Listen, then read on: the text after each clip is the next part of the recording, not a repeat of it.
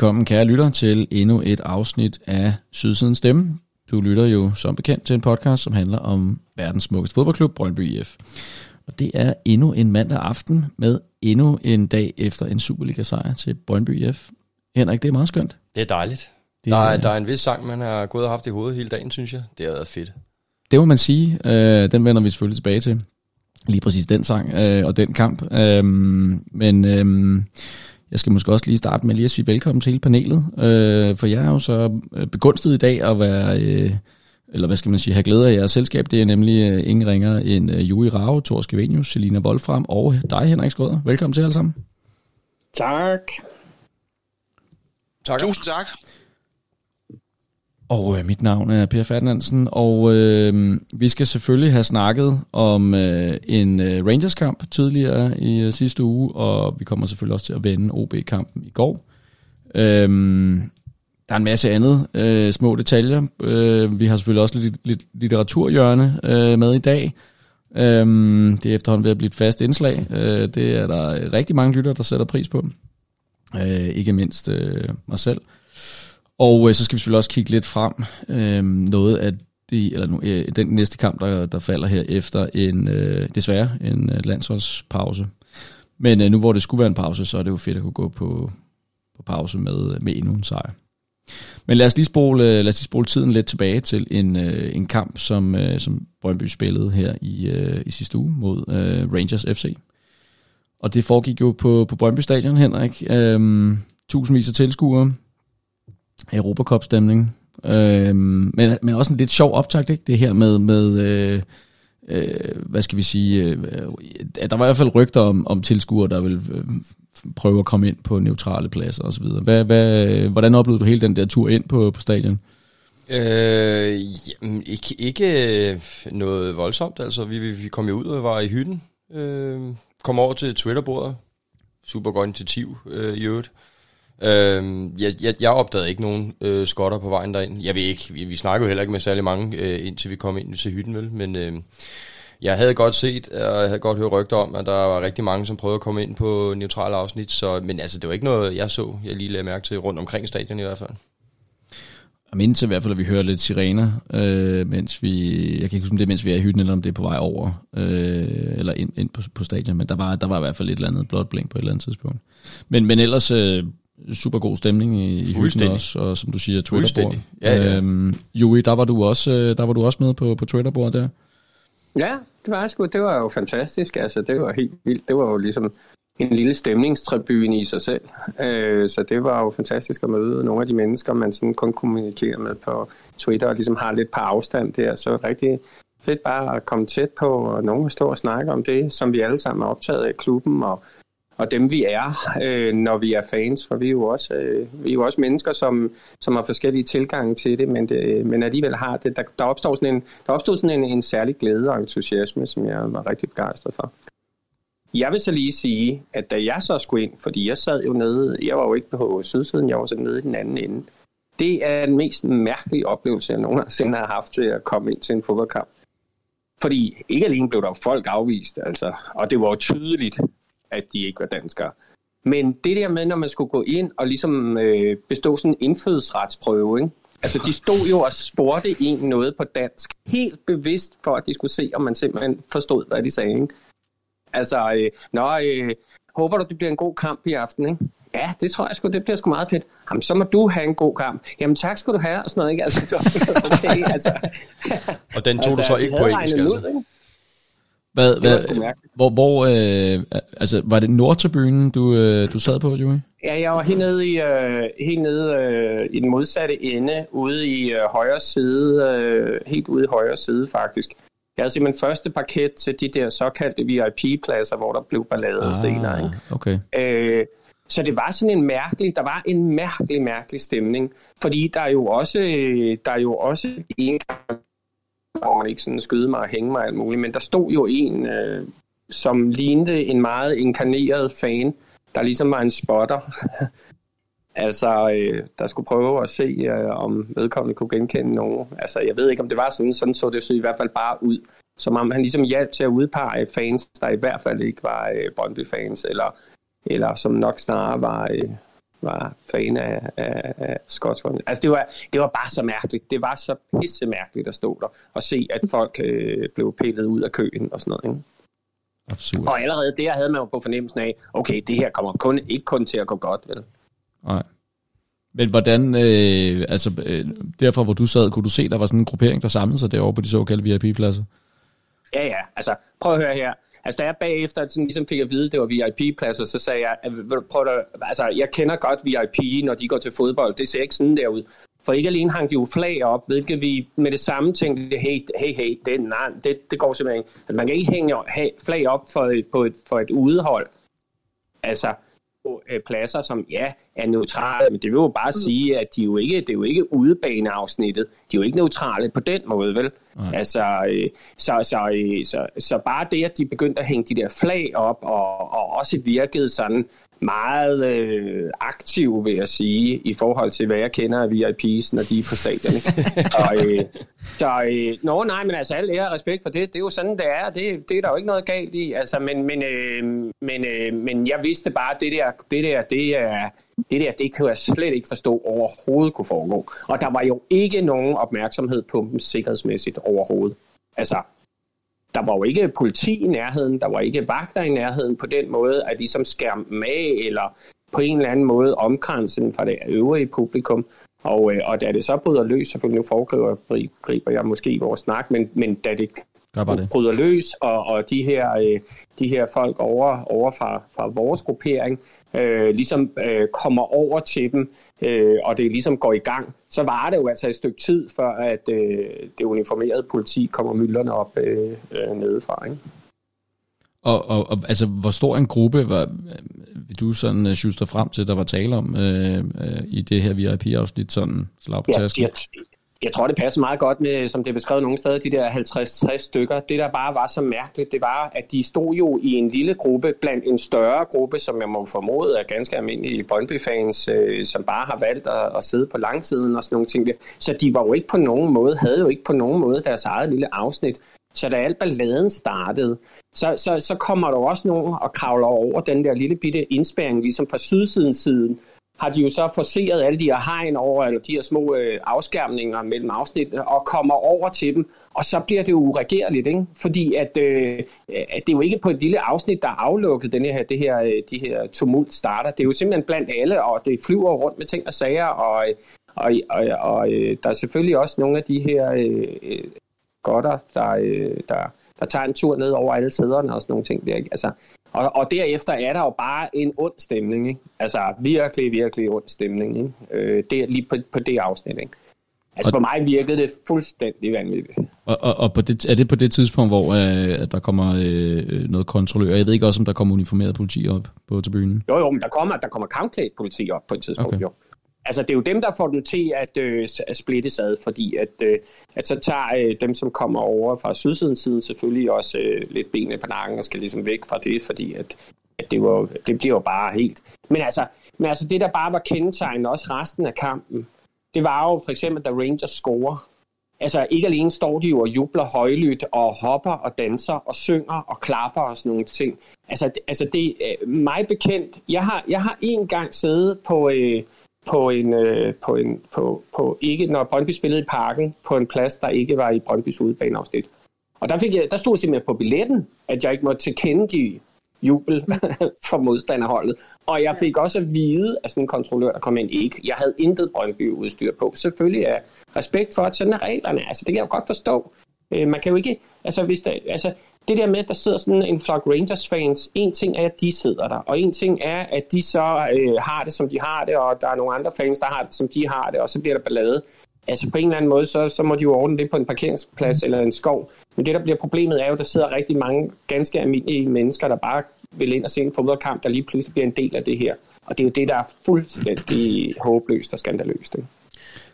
Ja, ja vi, vi stod nede på sydsiden og diskuterede, om de blev fjernet deroppe fra, eller om de kunne mm-hmm. isolere dem på nogen måde, for jeg sidder også mm-hmm. igen og tænker på alle de andre, der sidder omkring dem, for et eller andet sted, så mm. bør de jo slet ikke være der.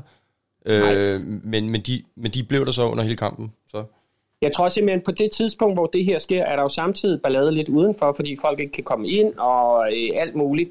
Og så, øh, så altså, jeg tror simpelthen, at altså, de bliver jo ikke fjernet, og de bliver jo nærmest ikke engang afskærmet. Det, der jo nok bare sker, det er, at, øh, at politiet ligesom har haft deres tilstedeværelse, men der har jo været fremme sidenhen, at de sådan har delt øretæver ud til ganske almindelige, fredelige øh, øh, fodboldtilhængere nede på toiletterne og sådan nogle ting der. Ikke? Altså, det var, altså, for mig at se, og nu er jeg ikke ude på at sige, at de var de værste, eller de andre var de værste, men jeg vil bare sige, at hvis man som klub som Rangers giver sine VIP-billetter væk til nogle mennesker, der helt klart er hardcore fans, og hænger et flag op, som tilhører hardcore-afdelingen af fans i Rangers, samtidig med det her HSV, altså hamburger øh, element og sådan noget, så er man altså også, øh, mener jeg, mere end almindelig hjernedød.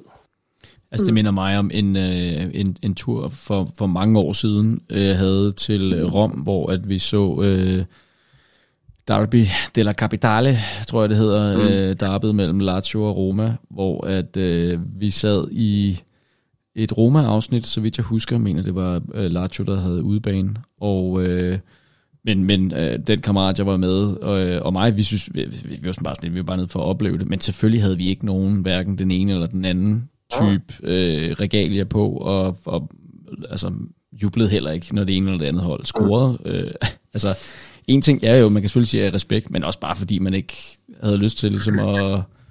Altså, hvad, hvad kunne der ske? Ikke? Man er et fremmed sted. Mm. Øh, så er ren øh, ja, respekt, og, og øh, for ligesom at ikke få øh, ørerne i klemme, så gå under radaren. Man kan sige, det var måske en lidt anden tilgang, de her gutter der fra, fra Glasgow, de havde valgt der. Hvordan, Men det var også det, der var problemet. Ja, det var jo det, der var problemet, ikke? Altså det, der var problemet, var jo, at de var jo ikke nogen, der så blev kyst af, at der kom øh, 50 kampklædte politifolk og begyndte ligesom at øh, skille forne fra hinanden. Altså de var pisselig glade. Altså, øh, og, det, og det, er jo det, man kan blive, det er jo det, man kan blive lidt bange for, når man står på den afstand, jeg står og tænker, okay, men de her, de er jo op til noget good. De venter jo bare på en mulighed for, at, øh, at der skal ske noget igen, fordi at... Øh, og, og, og på en eller anden måde kunne man måske prise sig lykkelig for, at den blev 1-1, ikke? Altså, fordi det er jo altid de uafgjorte resultater, ligger jo trods alt nogle gange dæmper på, øh, på, øh, på den slags begivenheder. Ja, som du siger, så angiveligt var der også, altså der var en del tumult, og måske også oven i jeg ved ikke, det er kun nogle rygter, jeg hørt, jeg ved ikke, om det er bekræftet, men altså også øh, folk, der blev overfaldet øh, mm. bag tribunen, altså mm. inde på toiletterne og sådan noget. Ja. Og det må også være ubehageligt i det hele taget at, at være på, på sådan et afsnit, pludselig være blandet med, med, med den type fans. Ikke? Det er ikke ligefrem det, man forventer på sådan en lang side. Nej. Altså, øh, overhovedet. Mm-hmm.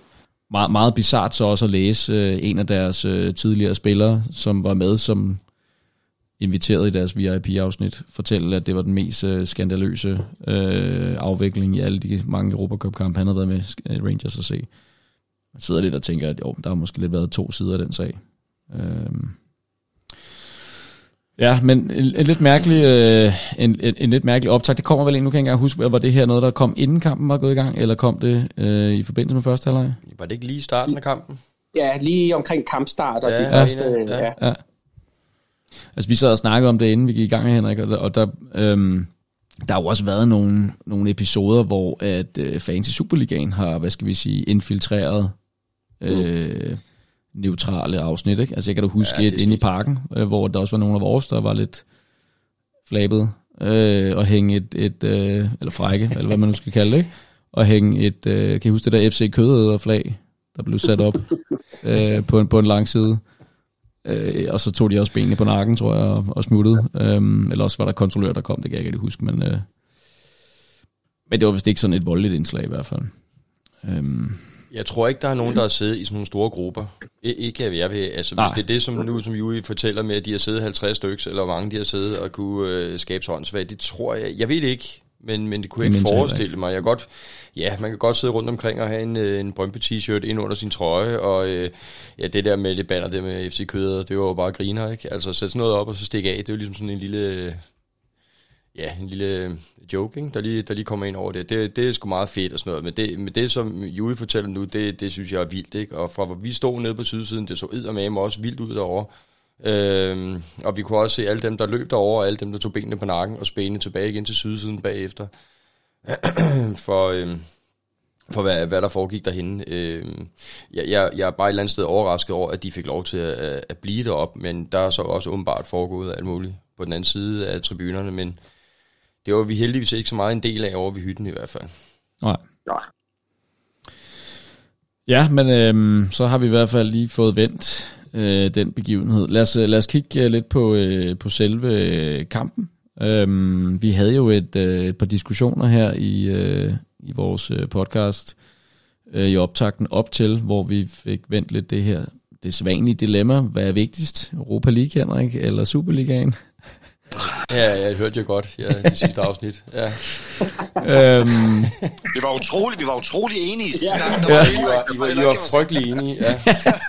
og jeg har hørt, du har bidt dig lidt i knoren over, at der ikke var nogen til ligesom at tage et andet standpunkt. Men så kan du få lov til at sige her, var du enig i den, øh, øh, i den øh, hvad skal vi sige, tilgang, som øh, Niels Frederiksen trænerteamet valgte? Jamen grundlæggende havde jeg bare det spørgsmål. Altså, hvor helvede du altid skal komme med det der. Jo, men altså, hvis du hænger mig ud over en klippe, og jeg, jeg, skal, jeg skulle vælge en kamp, ja, så har jeg altså valgt, at vi skulle have vundet Rangers-kampen. Og det er simpelthen bare fordi, jeg synes, de er så unikke, de kamp. Øh, de skaber noget omdømme øh, for Brøndby ude i Europa, og vi skal måle os med de spillere, og et eller andet sted trænger vi altså også start til en succesoplevelse, synes jeg, når vi nu engang møder de her hold her. Så er der alt det økonomiske i det, ikke? men når man så tænker på den stemning, der også var på øh, tribunerne, det, der, der er bare noget ekstra over det her. Og der er noget unikt over det. Øh, Ja, som jeg, som jeg selvfølgelig håber på, at vi kommer til at opleve igen. Ikke? Og jeg kommer også til at tænke på det der høne og ægget. Altså, vi, vi kæmper et helt år om at komme op i toppen, så vi i hvert fald kan komme i Europa. Når vi så kommer i Europa, nu vil jeg godt sat på spidsen, jamen så handler det mest om, at vi skal komme i Europa næste år. Altså, øh, mm. øh, I stedet for, at vi, øh, vi lever lidt mere i nuet. Ikke? Så, så jo, jeg var faktisk i den grøft, hvor øh, jeg vil prioritere øh, Rangers, en, en sejr over Rangers. Ja. Så vil jeg godt, så står jeg lidt alene med den. Men, øh, men jeg, jeg synes bare, ja, det, det er nogle fede kamp. Altså, det synes jeg. Og det er det jo også. Det tror jeg ikke, der er nogen, der, Men der er uenige. Det er også fordi, det er sat på spidsen, ikke? For det var, også, det var sgu også lækkert i går. Det må man sige. Men, øhm, men om, om ikke andet, så kan man da i hvert fald se, at der var nogle... Øh, sådan for det, for det trænede øje kunne man se, at der var nogle, nogle, øh, nogle forskelle i, øh, i startopstillingen i forhold til det hold, der startede i søndags, og det hold, der startede i torsdags mod Rangers. Blandt andet så var der jo blevet en startplads til Christian Kappes, øhm, og Andreas Brugs havde også fundet vej til, tilbage i startopstillingen. Øhm, eller øh, startede stadigvæk ind i modsætning til, øhm, til i går, hvor det jo var øh, Riveros, der havde sat sig på, øhm, på, på venstre, og øh, Kevin Mensah på højre vingbak. Men, øhm, men jo ellers en, øh, vel egentlig en kamp, som øh, jeg, altså, tænker måske ikke helt udviklede sig, som vi havde håbet på. Jeg, jeg synes at mindes, at de fleste af os lidt lurede en overraskelse, og at vi gik rimelig optimistisk ind til, til, til Rangers-kampen her, og, og hvad tænker I så med, med måden, som kampen udviklede sig på? Var det helt efter forventningen, og nu kan du selv få lov til at lægge ud, Henrik? Nej, altså jo, tja, altså de, jeg er sgu sådan lidt uforløst med det, med de sportslige, den sportslige indsats, øh, der har været. Øh, det er klart, vi har en, en svær pulje, men jeg havde et eller andet sted øh, håbet og måske også forventet lidt, at vi kunne øh, yde noget mere modstand og komme frem til nogle flere chancer. Øhm, altså det der med, om vi stiller i stærkeste opstilling og sådan noget, jeg synes, det, det er jo lidt luksus i øjeblikket, for vi har så mange øh, gode indskifter, så, så vi står derude og tænker, ja, det, det kan da godt være, det er den stærkeste opstilling til den her kamp her. Øh, og så kan det være, at det er en anden stærk opstilling, der kommer til en anden kamp. Så så det, det var jeg sådan set ikke så meget inde i, øh, men, men jeg havde forventet et eller andet sted, det, selvfølgelig var det sådan en lidt mere lige kamp end de andre kampe, men jeg havde egentlig håbet og regnet med, at vi kom frem til mere, end vi gjorde, så i, en lidt uforløst følelse, vil jeg sige, jeg har. Ja, fordi det blev jo endnu en øh, europæisk Brøndby-kamp med 0 skud på mål, Thor. Øhm, og godt nok overvægt i hjørnespark. Jeg tror, at den statistikken hed 10-6 i Brøndby forvør, men øhm, men jo ikke noget, vi øh, har for vane at få det store ud af. Øh, hvilken følelse havde du tilbage med, øh, som, som kampen udviklede sig her? Var det, øh, var det en skuffelse, eller øh, skal vi være tilfredse? Altså, det kommer an på, hvilken en af halvlejene du måler det på, fordi at måler det på første halvleg, så synes jeg godt, vi kan tillade os at være skuffet. Måler det på anden halvleg, så nej, de laver, er det to indskiftninger, men en, der er ham der Haji, Mm. søn af den legendariske 90'er-ikon, hvilket også ret sejt. Der har været en Hachi på Brøndby Stadion, det kan jeg godt lide. Ja. Øh, men, Men han ødelagde os jo. Altså, de, de var bare, de var sgu lidt bedre end halvleg. Øhm, det, der irriterer mig mest, det er den stemning her, øh, der nu er skabt mod både Sparta og mod, øh, mod Rangers, ikke får lov til at få den gevinst eller gulderud sidste ende i form af en sejr. Det kan jeg godt ære mig lidt over, fordi det er Altså, der var Sparta-kampen, så var der FCK-kampen, så var der Rangers-kampen. Det er bare eksploderet, eksploderet, eksploderet og blevet vildere og vildere og vildere. Og, og, og lige i Europa, der mangler vi skulle den der gevinst i sidste ende. Det synes jeg er jo lidt. Øhm, ja, det, det vil jeg sgu egentlig godt give dig, øh, give dig lidt ret i, at, at man godt kan sidde og ærge sig lidt over, at det ikke skaber point på banen. Omvendt kan man måske også, øh, altså måske sige, jamen, øh, måske var det det, der skaffede pointet. Ja, måske. Måske. Det kan jo sagtens være. Jeg synes bare, det er ærgerligt, at... Altså... Øh, ja, jeg synes sgu godt, at vi måtte have fået, fået den sejr, fordi at, at det var bare, det, det, det hele, det lå lige op til deres scoring, det lå lidt som sådan en øh, øh, magisk Europa-aften på Brøndby Stadion igen, og øh, men det var bare så fedt, og så var det sgu sådan lidt ærgerligt, at, at det endte som det endte, det synes jeg godt, det Men, ja, men det kan jo godt være, det der simpelthen skaffer pointet, det, det ved vi selvfølgelig heller ikke. Øhm, altså, jeg kan jo ikke lade være med at tænke, at, at øh, vi går ind i det her Europa League-gruppespil, som øh, mener det er det lavest seedede hold af alle holdene i alle grupperne. Øhm, og her to runder inden det er, gruppespillet er, er færdigspillet, så har vi stadigvæk mulighed for at, at, at kvalificere os videre. Øhm, altså det, det kræver også øh, to gode præstationer, ikke mindst mod øh, et af, eller det sværeste hold i ligaen, eller i, i hvad hedder det, i gruppen, øh, Lyon. Men det er dog alligevel vel egentlig, øh, hvis man skal alt det der nul skud mod mål, og ikke nogen sejre nu, så er det vel egentlig, altså er det ikke sådan relativt tilfredsstillende, at, at, vi, øh, at vi er der? Eller hvad? Altså hvad, hvad, hvad, hvad synes du, Henrik? Nu, nu sagde du før det her med, med de store kampe, og, og det er det, vi lever for og sådan noget. Jo, jo, men nu tænker jeg sportsligt. Øh, jo, altså det er da fedt. Det er da fedt, vi har noget at spille for. Det, det er jo faktisk ret vigtigt, når man tænker på det sidste kamp. Altså, fordi der skal den jo også bare 100% og fuld skrald derude af, og vi, vi skal have alt ud af det, vi, vi overhovedet kan få ud af det. Øhm, så, så jo, jeg er skide glad for, at vi stadig har en mulighed for, ja, øh, vi skal lige tage point mod Lyon, ikke? men alle drømmer jo om, at de stiller med et reservehold, fordi øh, de er jo sikret. Øhm, men øh, ej, jeg, jeg er sgu bare sådan lidt... Øh, ja, lidt uforløst over, at vi ikke øh, lige på hjemmebane kan tage den, øh, når vi nu også har den her eksplosionsagtige stemning på stadion. Joey, hvad tænker du øh, øh, om den fortælling, som, øh, som er ved at blive skabt, for nu at bruge øh, øh noget af det sprog, øh, du bevinder dig godt i? Men altså den her fortælling om, om, om Brøndby Europa i denne sæson her. Øh, på den ene side, 0 point, øh, eller slå 0, 0 skud mod mål, og, og øh, point skaffet øh, enten ved 0-0 eller et selvmål. Øh, og på den anden side, øh, stadigvæk øh, dårligt seedet i, i hele gruppespillet, men, men her øh, fire runder inden, endnu mulighed for at gå videre. Altså, hvad, hvad, hvad, hvad, hvad tænker du, der er, der er for en fortælling, der er ved at blive skabt? Jamen altså, jeg tror jo, at øh, det, er, at det er en fortælling, som også øh, viser noget om, at det at spille i Europa, det er noget helt andet end, end det at spille i uh, Viborg i, en, i en stor turnering, hvor at det bare er en kamp blandt mange, og hvor man går ind til det med, med en opmærksomhed og et taktisk oplæg, der ligesom er baseret på en masse erfaringer og en masse måder at gøre tingene på. Europa Cup er sådan ligesom, øh, altså det er jo, man kan sige, når, når, jeg, når jeg går ind til Rangers-kampen, så er det jo én kamp. Altså jeg går ind til denne her, og vinder vi den, er det super fedt, og jeg er lykkelig. Bliver nu gjort, er det også godt, og taber vi, så er det en, åh oh, ja, for helvede, det er jo også Rangers. Altså, altså og så videre, ikke? Altså, altså, det er jo ikke sådan, at jeg skal leve med den kamp i, i lang tid, og den har jo sådan set heller ikke særlig store konsekvenser, andet end man kan sige, at på et eller andet tidspunkt, så er der jo i gruppespillene nogen, der bliver sorteret fra, og der er nogen, der går videre, og så, øh, og så tager man så stilling til det der.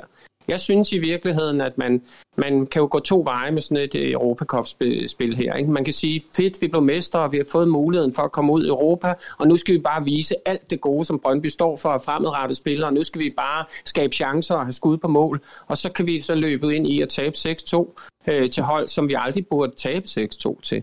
Så, så, så, så, så på en eller anden måde kan man også sige, øh, har vi spillet prangende og, og, og, og været en reklame for fodbold? Nej, men, øh, men står vi alligevel med en fornemmelse af at have fået en masse vigtige erfaringer om, hvad vil det sige at spille på det her niveau? For det er et niveau over Superligaen. Det er det for alle de tre hold, vi møder i vores gruppe, sådan set, og Sparta Prag måske som det mindste. Øh, men altså, øh, på en eller anden måde må man også sige, at øh, hvis man kigger for eksempel også på, øh, på større turneringer som EM og VM, så er der altid nogle hold, der ligesom slipper igennem med egentlig ikke rigtig har gjort noget særligt væsen af sig, og så alligevel på noget, som andre vil kalde kedeligt eller sådan noget, faktisk står i en mellemrunde, og egentlig bare får mere erfaring med sig, og, for, og spillerne får en, en, den, der, øh, den der måde at være på, når det er sådan nogle kampe, der er helt isoleret omkring sig selv med alting, hvad det indebærer. Fyld stadion, medie osv. Jeg er super tilfreds med det her øh, togt, vi er på, øh, og, øh, og øh, vi har to kampe tilbage. Øh, jeg mener stadigvæk, der kan ske ting og sager, øh, der vil gøre, at vi også øh, vi skal spille efter jul. Øh, så øh, det er selvfølgelig det, jeg håber på. Øh, men jeg er nok ikke så, øh, jeg er nok ikke så øh, frustreret som andre. Nå ja. ja, ja, så er det til videre, Henrik. Ikke? Nej, nej, øhm, men altså.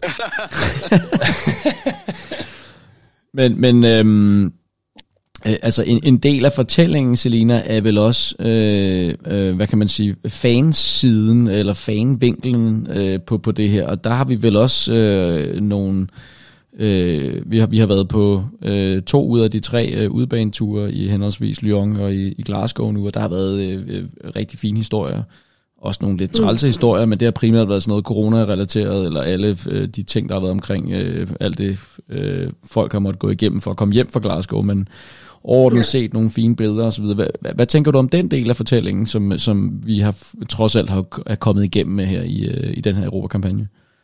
Jamen, jeg tænker, at, det er, at, at på, den, på den kant, der er det også, eller der er det i hvert fald positivt, at, at igen, at vi formår at vise, øh, hvad vi kan. Jeg tror, at fansene elsker det. Altså, jeg tror, at de, øh, den, der, den der fokus, der er på de internationale kampe, er der jo, er der jo, er der jo i bredere forstand i forhold til Superligaen. Øh, man kan få lov at vise sine muskler på en anden måde. Og det, det synes jeg også, at vi gør. Jeg synes, vi gør det ret ofte faktisk. Øhm, så det tror jeg også er vigtigt at få lov at prøve.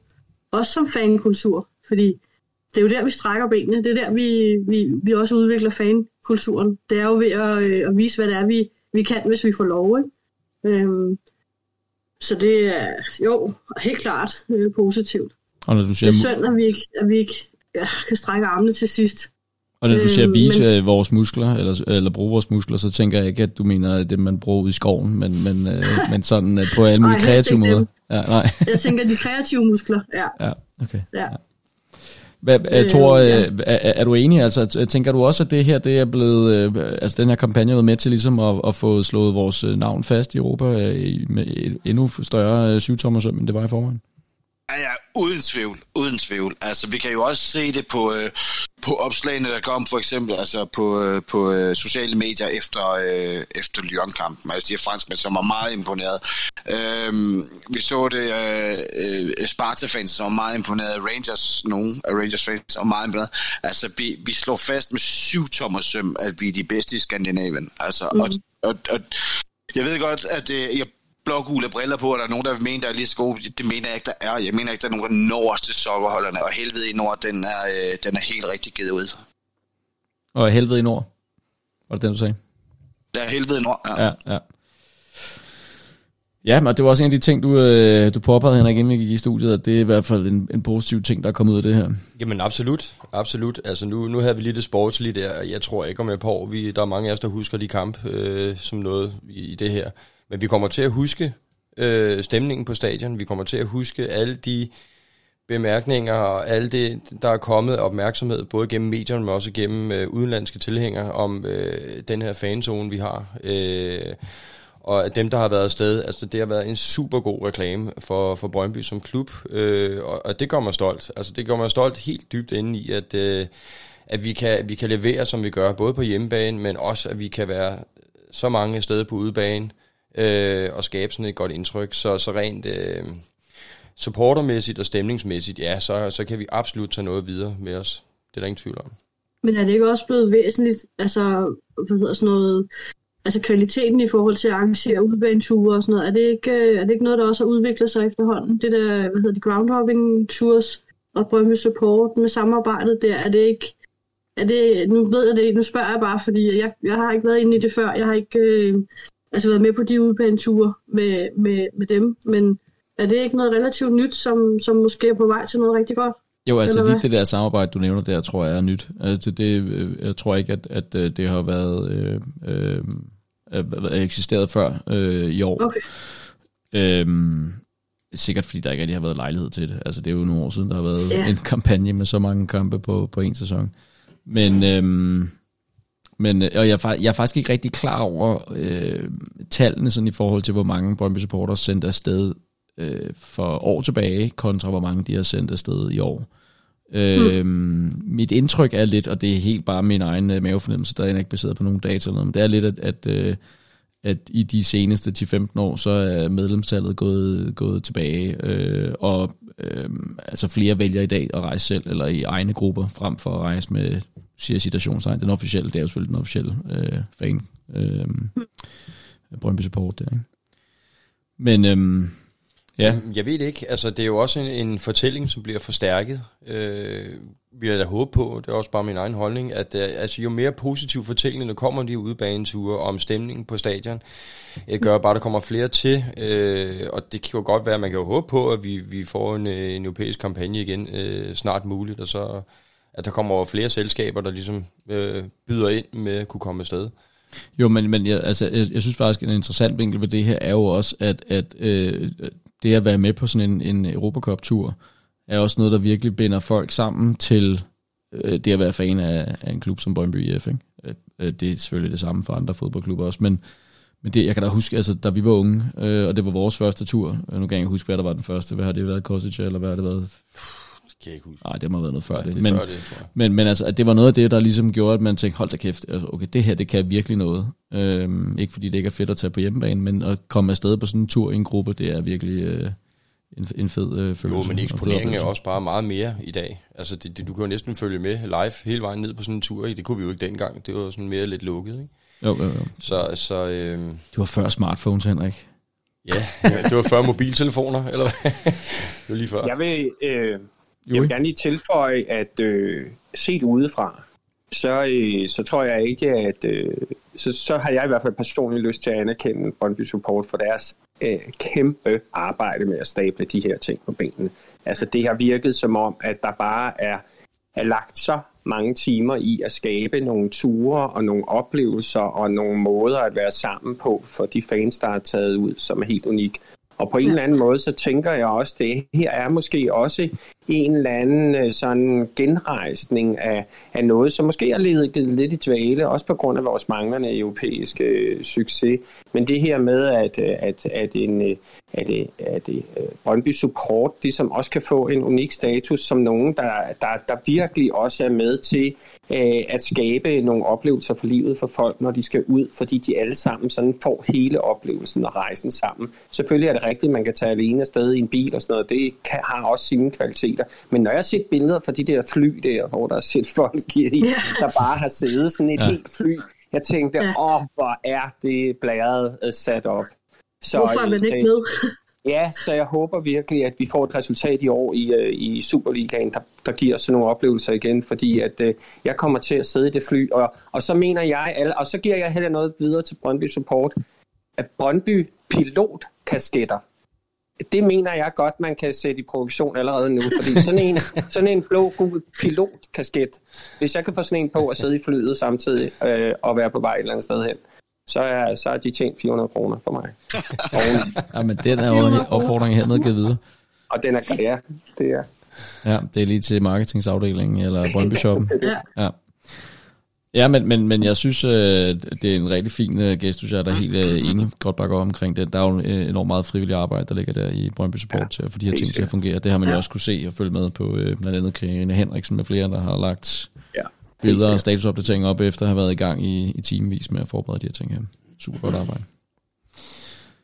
Ja, jamen er der noget, er der noget mere, I øh, synes, vi skal have med omkring Rangers-kampen? Eller Europa League so far, Thor? Jeg kunne godt tænke mig at komme med en lille anekdote øh, omkring Rangers-kampen. Fordi at, øh, at nu har jeg været med lidt over et år her i, øh, i Sydsidens Stemme, og jeg har virkelig elsket hvert minut. Men, men jeg tænker, folk de er ved at være klar over, at når jeg får lidt fadøl, ikke, så er det ikke alt, jeg ligesom opfatter, og det er ikke alt, der ligesom giver mening i min verden. Så da jeg står på sydsiden mod Rangers, der er lige pludselig gået op for mig, at alle de andre, I står og kigger ud på langsiden. Jeg fatter ikke, hvad der, er, der foregår. Indtil Henrik, han siger, øh, så, nu kommer vagterne. Og så går det op for mig, at der åbenbart har været slagsmål. Så jeg har ikke set alt det der oppe ved VIP'en. Så da jeg endelig får taget mig sammen i min fadelstog til at kigge op, der kommer de her sortklædte løbende over mod os. Og jeg når bare at tænke, fuck, nu kommer de for at angribe mig. Ikke alle de andre, men mig. Der ryger bare direkte mig, indtil Bær han når og ligesom tror jeg sige, ah nej, Thor, bare rolig, det er vores egne. Og puh, jeg siger så, jeg troede lige, vi skulle til at slås. det, det, siger bare alt om, hvor meget jeg har fattet af hele den situation der. Hvor jeg havde en fest, og jeg, det er slet ikke godt for mig, hvor negativt lavet det, det var før faktisk dagen efter.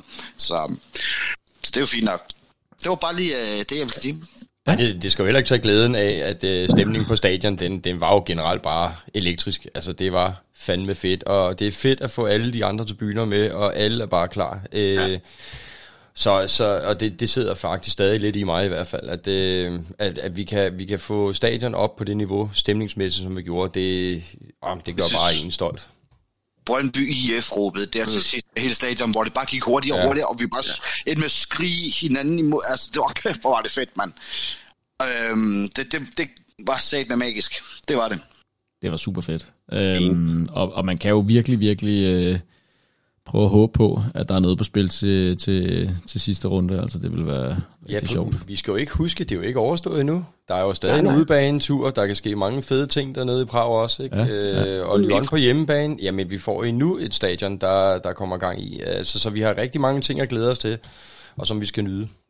Og udover det, jamen Lyon er det bedste hold, men så meget bedre er de to andre hold, altså i forhold til os, synes jeg. Det, det, alt, alt kan ske. Det er, ikke, det er ikke slut det her endnu. Og i forhold til det, Henrik, du lige sagde, så kommer jeg i tanke om noget, som øh, Benny Andersen engang sagde, vores smukke humanist og forfatter. Hans kone havde et opslag, eller skrevet sådan en seddel, der hang på deres køleskab, der hed, hvis der ikke er noget at glæde sig over, så er der altid noget at glæde sig til. Og det synes jeg egentlig på en eller anden måde meget kendetegner denne her Cup øh, ting, vi er gang i. Så øh, det er det, godt sagt. Det, er sådan, det må være. sgu da den smukkeste måde at øh, lige forløbig parkere den på. Tusind tak, Juri.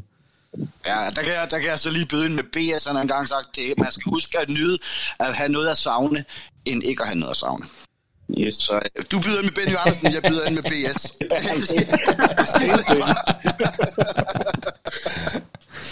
Ja, de to i en... Øh, de to i en MMA-fight, jeg ved ikke lige. Nå, ja. Nå, jamen, vi har jo hørt, hvordan Troels, altså, Troels, Thor, han øh, går i krig. Ja, ja, det var det. Han kommer lige her. ja. Hvad er der foregår? Flygt. De kommer for at slå mig. ja, det, er, det er dumt. Ej, det er dumt. Ja.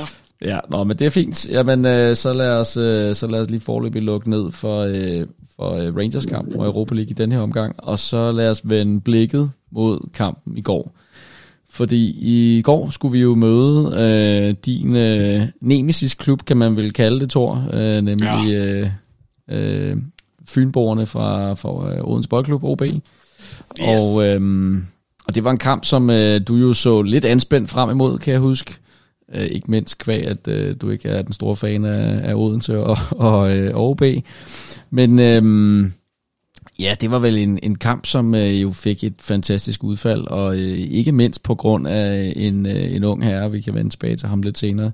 Men øh, øh, en kamp, som jo også øh, starter med, at øh, Brøndby kommer bagud, og øh, relativt tidligt i kampen, hvilket betyder, i hvert fald set derfra, hvor jeg sidder, at, øh, at kampen øh, eller står, øh, at kampen udvikler sig til et øh, langt tidstræk af OB, selvom jeg vil medgive, at OB også øh, kom for at spille fodbold, så det var ikke kun øh, destruktiv fodbold, men, men åh, jeg synes, det var frustrerende at se de her øh, indkast og hjørnespark og, øh, og målspark blive, øh, blive flyttet rundt, og, øh, og spillere, der ikke lige vidste, hvem der skulle tage det indkast eller det, det hjørnespark, og, og i sidste ende så også en dommer, som... Øh, som vælger at lægge øh, tre minutter til i anden halvleg efter otte udskiftninger. Men på en eller anden poetisk måde, så ender det hele op i en højere enhed, øh, da Frandrup han, øh, han sætter målet ind der i, hvad, 91 minut. Øhm, og jeg synes lige, vi skal lige høre den her lille lydbid fra, der det rent faktisk sker, kommer her.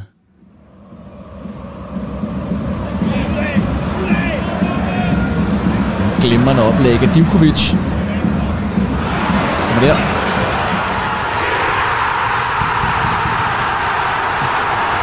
Og Ah, man kan næsten se det for ja, sig, er- Ja.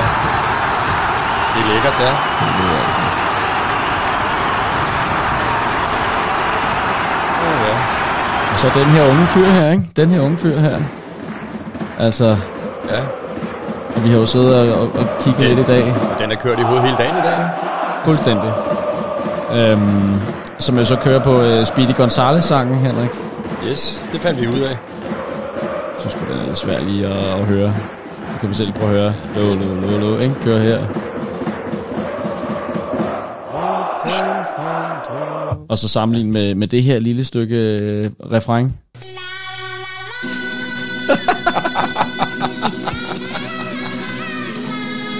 jeg synes Ah, man skal godt være musikkender for Ja, ja, lige at finde det, det- det der. Men, det øh, ja, ja, man. det, Men, øh, men fair nok. Øhm, men altså, øh, Thor, du må være helt oppe at flyve i dag jo. Altså, øh, det, det her. Fortæl mig lige en gang, hvad, hvad der skete, da du så øh, øh, bolden sejle i mål, øh, da Frandrup han scorede det 91 minut.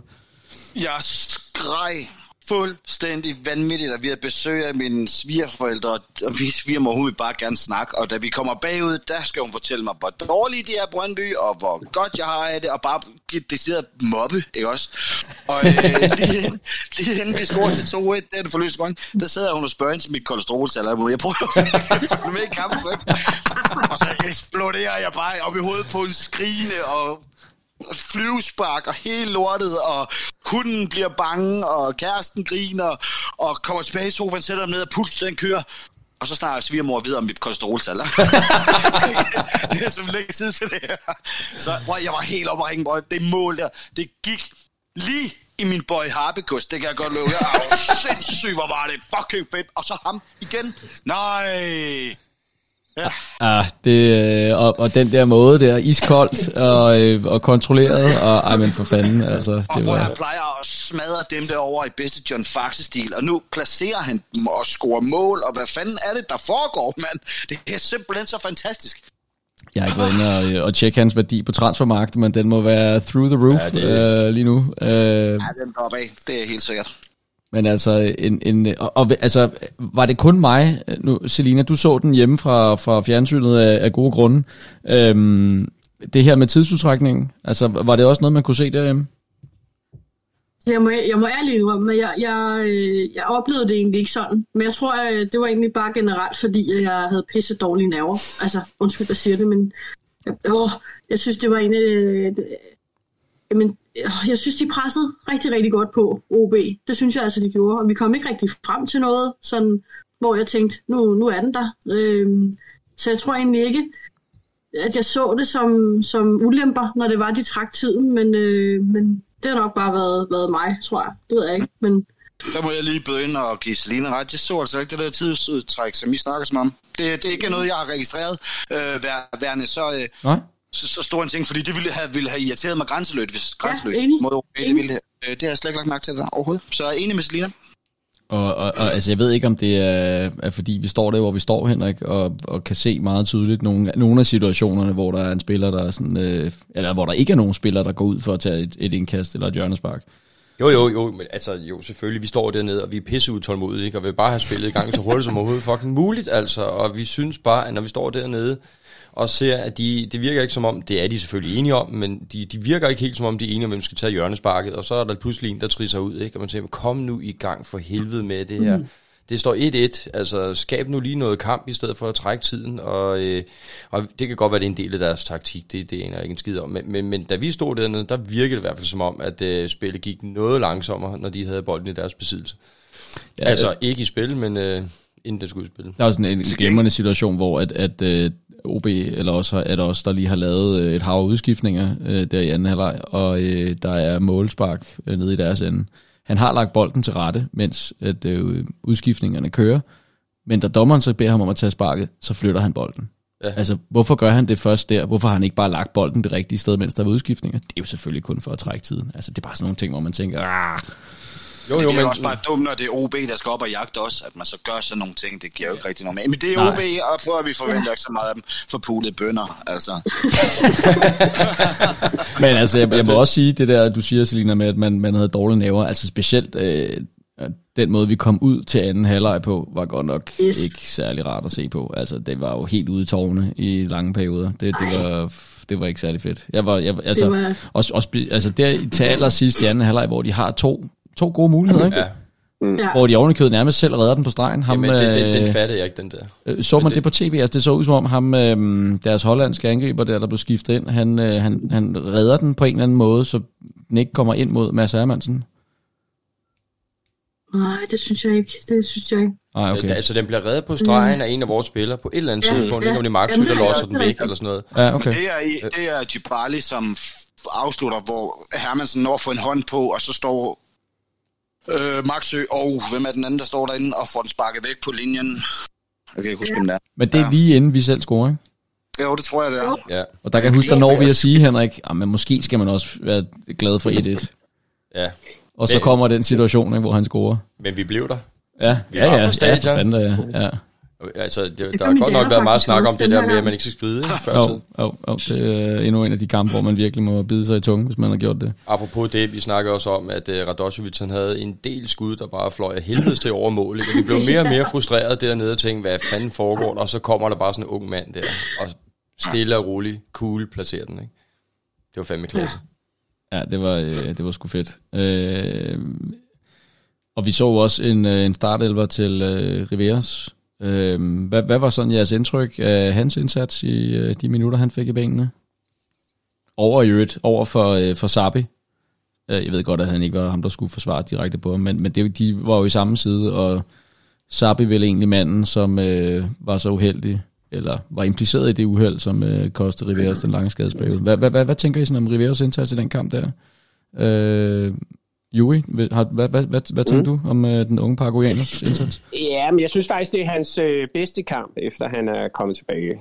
Jeg synes, øh, man så noget af det, som, øh, som jeg hele tiden har tænkt, han havde. Sådan en vis form for speed og en vis form for sådan... Øh, jeg synes, det var en mere, um, de 60 minutter, han fik, eller hvor meget det var, det var sådan mere helstøbt og mere sådan, selvfølgelig er der nogle udfald, og selvfølgelig har han stadigvæk noget med placering, han kommer nogle gange på mellemhånd og sådan noget, så der, der mangler selvfølgelig noget, men, men, men der var mere af det, som jeg gerne vil se, og også op til målet, hvor han står derude lige og, og øh, leger lidt med bolden og, og sådan nogle ting der. Så jeg synes, der var, der var fine ting fra ham, han er også ude af kampen et stykke tid, men det handler måske også om, at vi spiller meget over, i, øh, over hos Mensa i første halvleg. Sådan øh, synes jeg. Øh, det var i hvert fald min oplevelse af det.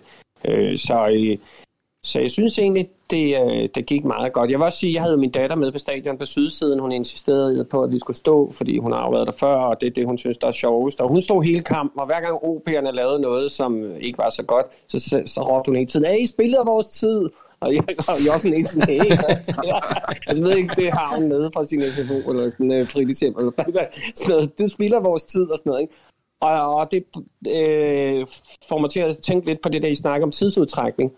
Altså, jeg, jeg selvfølgelig trækker det tiden, men jeg så det bare mere som et taktisk greb om, at OB hele tiden havde brug for at stabilisere deres spil og trække lidt tempo ud af kampen.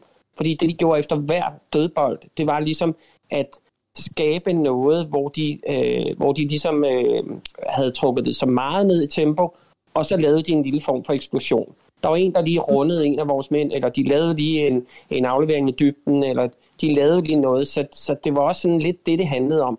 Og jeg synes, dommeren han tillod det alt for meget. Jeg synes helt klart, når man stod på stadion, var det tydeligt, at der var et element af at trække øh, tiden ud af spillet, og det synes jeg ikke, de skulle have lov til i den grad, de gjorde.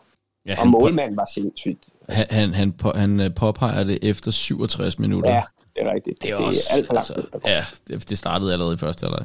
Ja, ja, det gjorde det. Øhm, Thor, øh, nu fik vi lige nævnt ham, øh, Riveras der, men øh, som Jurik også fik sagt det her med, at meget spillet kørte igennem Kevin Mensah specielt øh, i første halvleg. Hvad, hvad tænker du om øh, de to wingbacks der, deres indsats i kampen?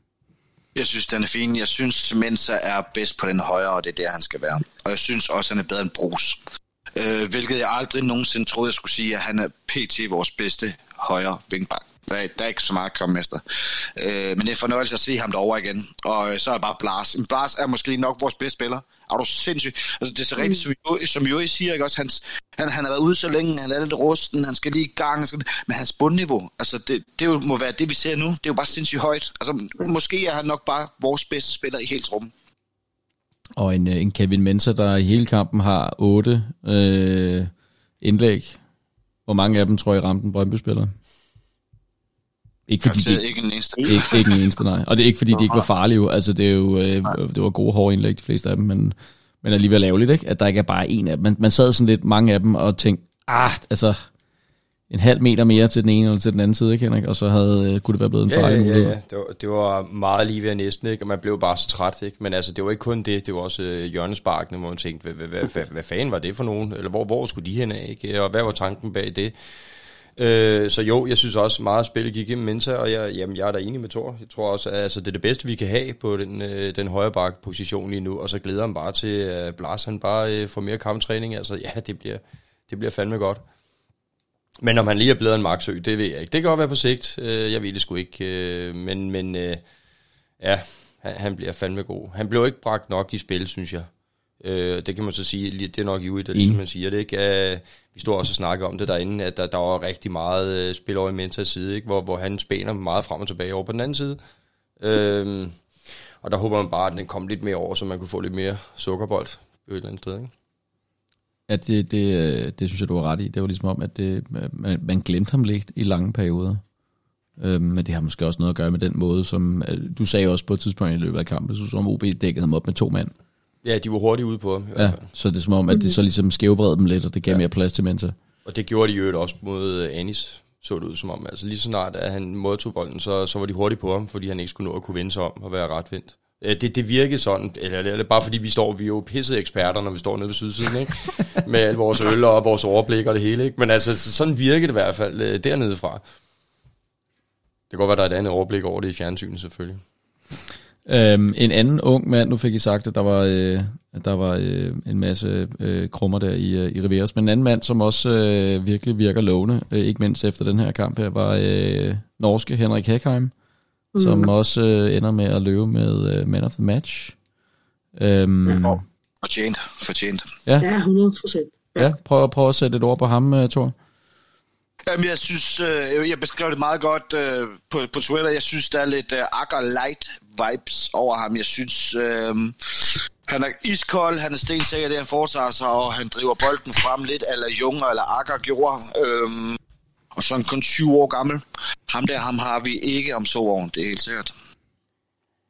Øh, og, altså, hvad er, det, du, øh, hvad er det, du ser i sådan en kamp som i går, som, som gør, at du tænker, at, at han er sådan lidt Akker Light, som du kalder det? Jamen, jamen, han er bare iskold. Altså, hele hans måde at agere på, hele hans måde at være på. Altså, det, ligesom der, det var ligesom dengang Akker, altså, du, kan- du, kan ikke, du kan ikke syge ham ud af den, det tror jeg ikke, du kan med ham. Eller altså, det ligner det ikke, at man kan i hvert fald. Øh, og så hele historien om, at han er så ung, som han er, og Daniel Lager var så ung, som han var, og Øhm, jeg synes bare ikke, at, at de kan sammenlignes en til en, og det er øh, for guds skyld for Akker er klart noget for sig selv, men, men, men han er bare stensikker i alt, hvad han laver. Så kommer der godt, at nogen, var en pløjer mod over sidelinjen og sådan, så, men, men, men han løber angriberne op, og han sidder tæt på dem og takler igennem, og øh, ja, iskold, synes jeg, øh, dækker det meget godt. Og, og altså jo også ret stærk i, øh, i pasningsspillet, synes jeg. Øh, Ja, lige præcis. Og hans, den måde, han driver bolden frem på, altså ja. Ja. der, på tidspunkt, der dribler han to angriber, ikke også, og lægger en bold frem i banen, ligesom Jung han gjorde. Altså, det, det, det er en kæmpe fornøjelse, det der. Er det også, øh, var det også sådan, at, øh, at du så det der, hvor du stod, øh, Juri, med, med Henrik Herkheim? Ja, ja, men altså han er, altså, han er jo sådan en spiller, altså det er jo altid, jeg synes altid det er sværere med de der, altså en ting er jo Maxø og anfører og står midt i det hele, og lavede altså også nogle fede indgreb i går. Hold kæft, for var han også bare tosset til sidste år af kampens udvikling, det var helt tydeligt. Så han skruede bisen på og blev sådan en udsmider-type, og det er jo fedt, når han gør det. Øh, øh, men Hækheim har jo noget, som jeg godt kan lide ved en forsvarsspiller, det er det der med, at på den ene side, så, øh, så laver han rigtig mange gode indgreb og laver øh, mange, mange ting. Men på den anden side er han jo også for mig lidt usynlig. Altså forstået på den måde, at han er jo ikke en, som jeg står og er nervøs over. Han er ikke en, som jeg tænker, ham der, øh, nu, nu skal vi passe på i, øh, i den her side af tremandsforsvaret, fordi at øh, nu, nu kan de løbe igennem. Nej, jeg tænker, nå, nej, men det, det er sådan set fint nok, det er på plads. Og når man har det sådan med en forsvarer, som jeg i øvrigt også har haft det med Maxø hele vejen igennem, så, øh, så er det fordi, at han gør noget rigtigt. Så på den måde, så, øh, så vokser han bare ind på det her hold. Men han, altså, jeg, jeg, altså, jeg tænker jo lidt, vi har jo haft spillere i Europa før, hvor det er stå så test, måske løg lidt, og de i virkeligheden var 24,5. Øhm, så, øhm, så, men, men I siger, at han er 20, så tror jeg på, at han er 20. ja, han ser altså yngre ud. Ja, det gør han, ja. ja det gør han.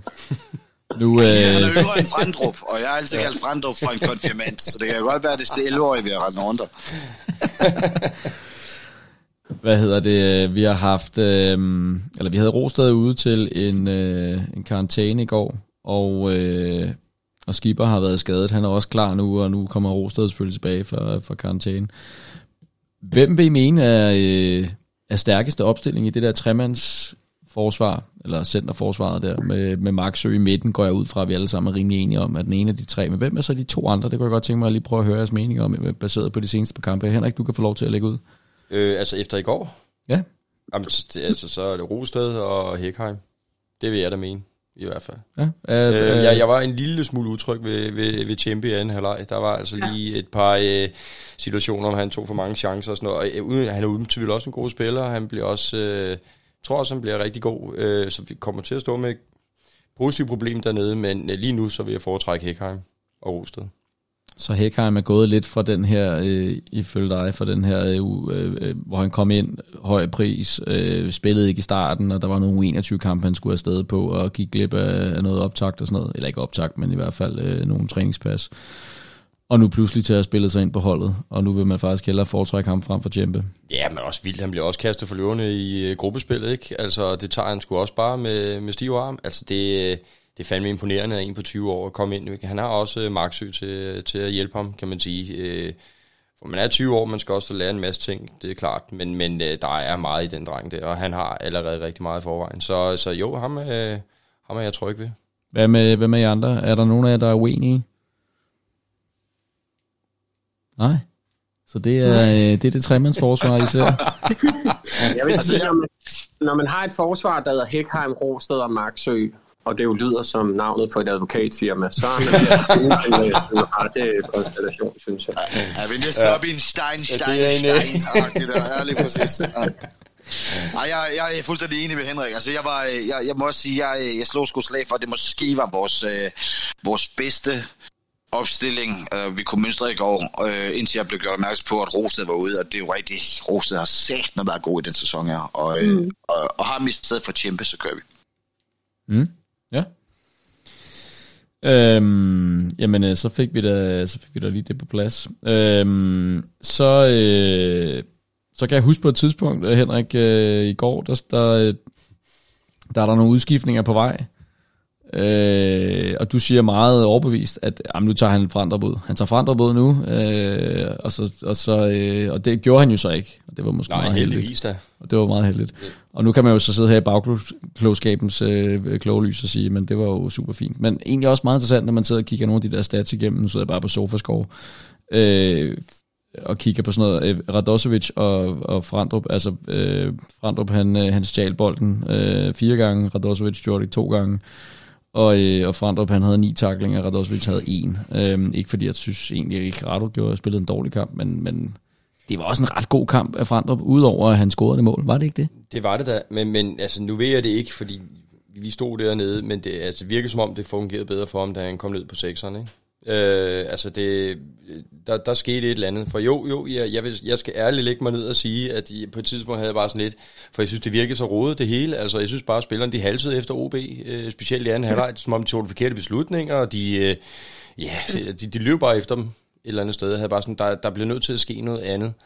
Øh, og så tog han øh, Rado ud og, og, og tog Morten Frendrup ned. Ikke fordi det blev sønderlig meget bedre, men, men Frendrup blev sat mere i spil i hvert fald. Øh, så ja, lige nu er jeg i hvert fald rigtig glad for, at han ikke blev skiftet ud. Øh, hvad, hvad tænker I andre? Altså nu selvfølgelig Frandrup, han scorede øh, alene af den grund, så øh, hvis, hvis han havde gjort det tidligere i kampen, så var han sikkert ind som man of the match. Men, men øh, hvad, hvad tænker I ellers om hans indsats? Altså er I enige i, at øh, den virkelig shinede, da han kom ned på sekseren? Øh, Thor, du kan få lov at lægge ud. Mm, det ved jeg ikke. Øh, det, det, har jeg, det har jeg sgu ikke tænkt over. Jeg synes, han spillede rigtig godt. Og jeg synes, han har spillet rigtig, rigtig godt lige siden, at han scorede mod... Hvem var det, han scorede mod første gang? Det var... Skum. Ja, ja de, de er dem derinde fra. Ja. De, øh, de er unævnlige inden for Østerbro. Ja. Nå ja, for fanden, det var Kan det. engang huske Hvordan det? kan du glemme det, Thor? Hvordan fanden kan man glemme det? Tror, har du drukket? Ej, hvad sker? Kan, kan I huske, hvor mange fadøl jeg også fik til den kamp? Altså, Nej, det kan jeg helt ærligt ikke. Det har jeg ikke tal på, Thor. Det, det var jo virkelig mange. Nej, det er jo det, jeg mener, ikke, mand? Det er kraftigt. Alkoholdemens, jeg lider af nu på grund af jer. Nå ja, det var nemt, det er rigtigt. Nej, jeg synes, han har shined lige siden den kamp. Jeg synes virkelig... Øhm, så jeg, jeg tænkte ikke over, at han, han var bedre, at jeg kom ned på sekseren. Øh, det har jeg ikke. øh, Jeg synes, han var god hele vejen igennem. Jeg synes, at Hækham var lidt bedre, så er det ham, der var nummer to. Så. Og jo, en ting, jeg har tænkt på øh, siden i går, er det øh, besønderlige eller bemærkelsesværdige i, at Frandrup, vil ikke sige, at han har været udskældt, vel, men han har haft et, et ret voldsomt formdyk sammen med resten af holdet i den her forfærdelige sæsonstart, som, øh, som virkelighed indtil da havde kendetegnet den her sæson her. Og nu er det så ham, der øh, i, øh, i den her kamp, og jo ikke mindst i det her derby her, øh, steppet op og, gik, og har været inde og afgøre et par kampe. Altså, hvad, hvad, øh, hvad, hvad, hvad siger det ligesom om, øh, om det her hold og den, øh, den sæson, som vi er i gang med, at, at det lige er ham, der kommer ind og gør det, synes du? Jamen, jeg synes faktisk, det siger noget om en tendens, jeg synes, vi har set i de senere år, at de, øh, de største talenter, vi har, når de har nogle udfald, så, har, øh, så er der plads til en tålmodighed med dem. Ja. Altså, øh, man kan jo sige, at hos mange talenter øh, vil det være sådan, at så snart de får et formdyk, jamen, så ryger de langt væk fra holdet, og så er det svært at kæmpe sig tilbage. Men vi så det sådan set så også med Jobbe, der havde et, et længere udfald, og faktisk kom tilbage stærkere. Og der tror jeg, at det samme at sig gældende for Frandrup, at det der med, at han har et udfald, og holdet i øvrigt også har et udfald, at, øh, at, at der er en tålmodighed til, at øh, når talentet er der, og det er stort nok, jamen så er der også plads til den slags, øh, til den slags stykke.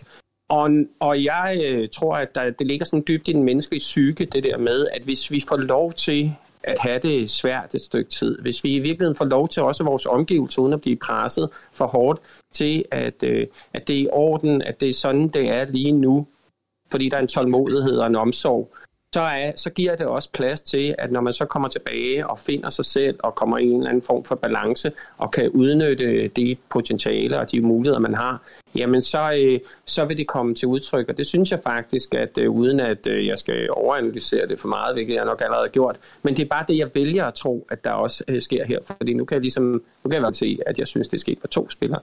Og han stråler jo. Manden stråler jo, manden. Altså, det er så svært at kalde ham mand, ikke? Altså, men, altså det er han jo. Altså, altså, altså unge fordi, mand. altså, men altså, det er jo rigtigt. Altså, altså, øh, altså øh, manden stråler jo, øh, og, og, og det er jo, det, det, det kan man jo mærke, øh, jeg kan i hvert fald mærke det helt inde i mit inderste, hvor, hvor, hvor jeg glæder mig på hans vegne.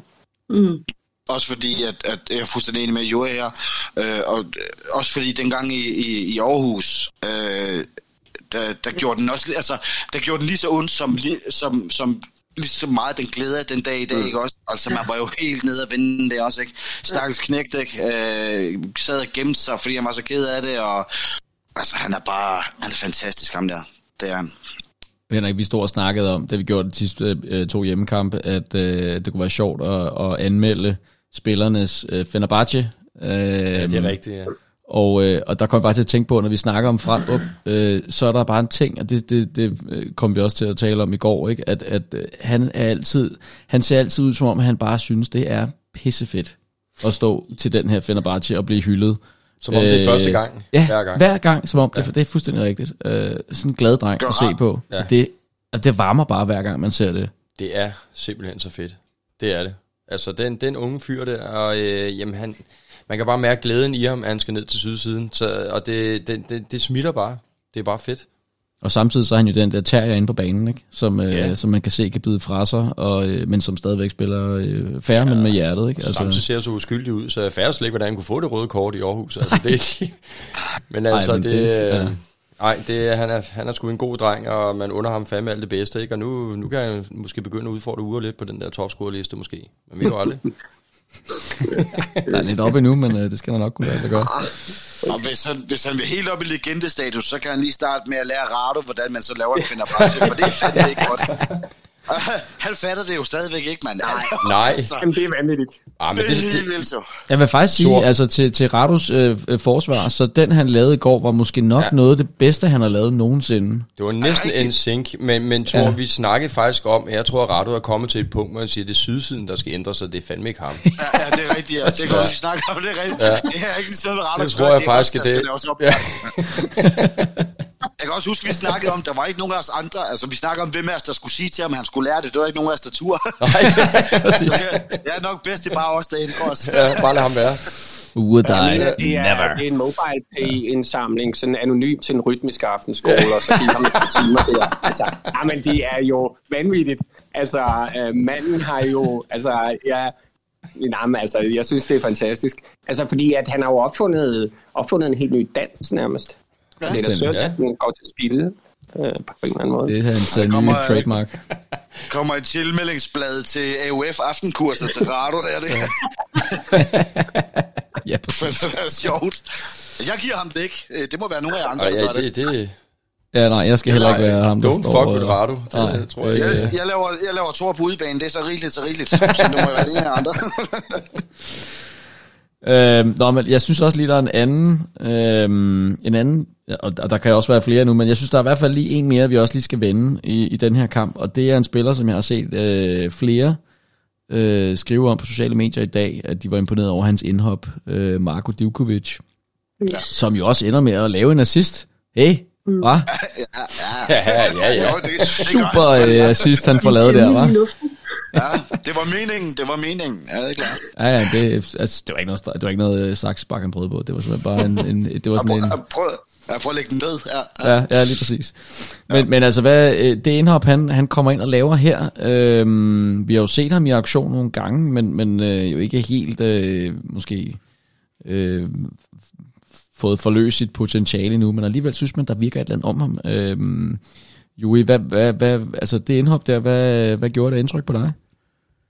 Nå, men altså nu så jeg ham jo i Viborg, øh, hvor jeg synes faktisk, han gjorde en rigtig god figur. Øh, og, øh, og jeg synes egentlig bare, han, øh, han, han kørte videre af, af den, øh, ud af den tangent i går. Altså, altså det han har, når han kommer ind, det er jo en eller anden form for uro.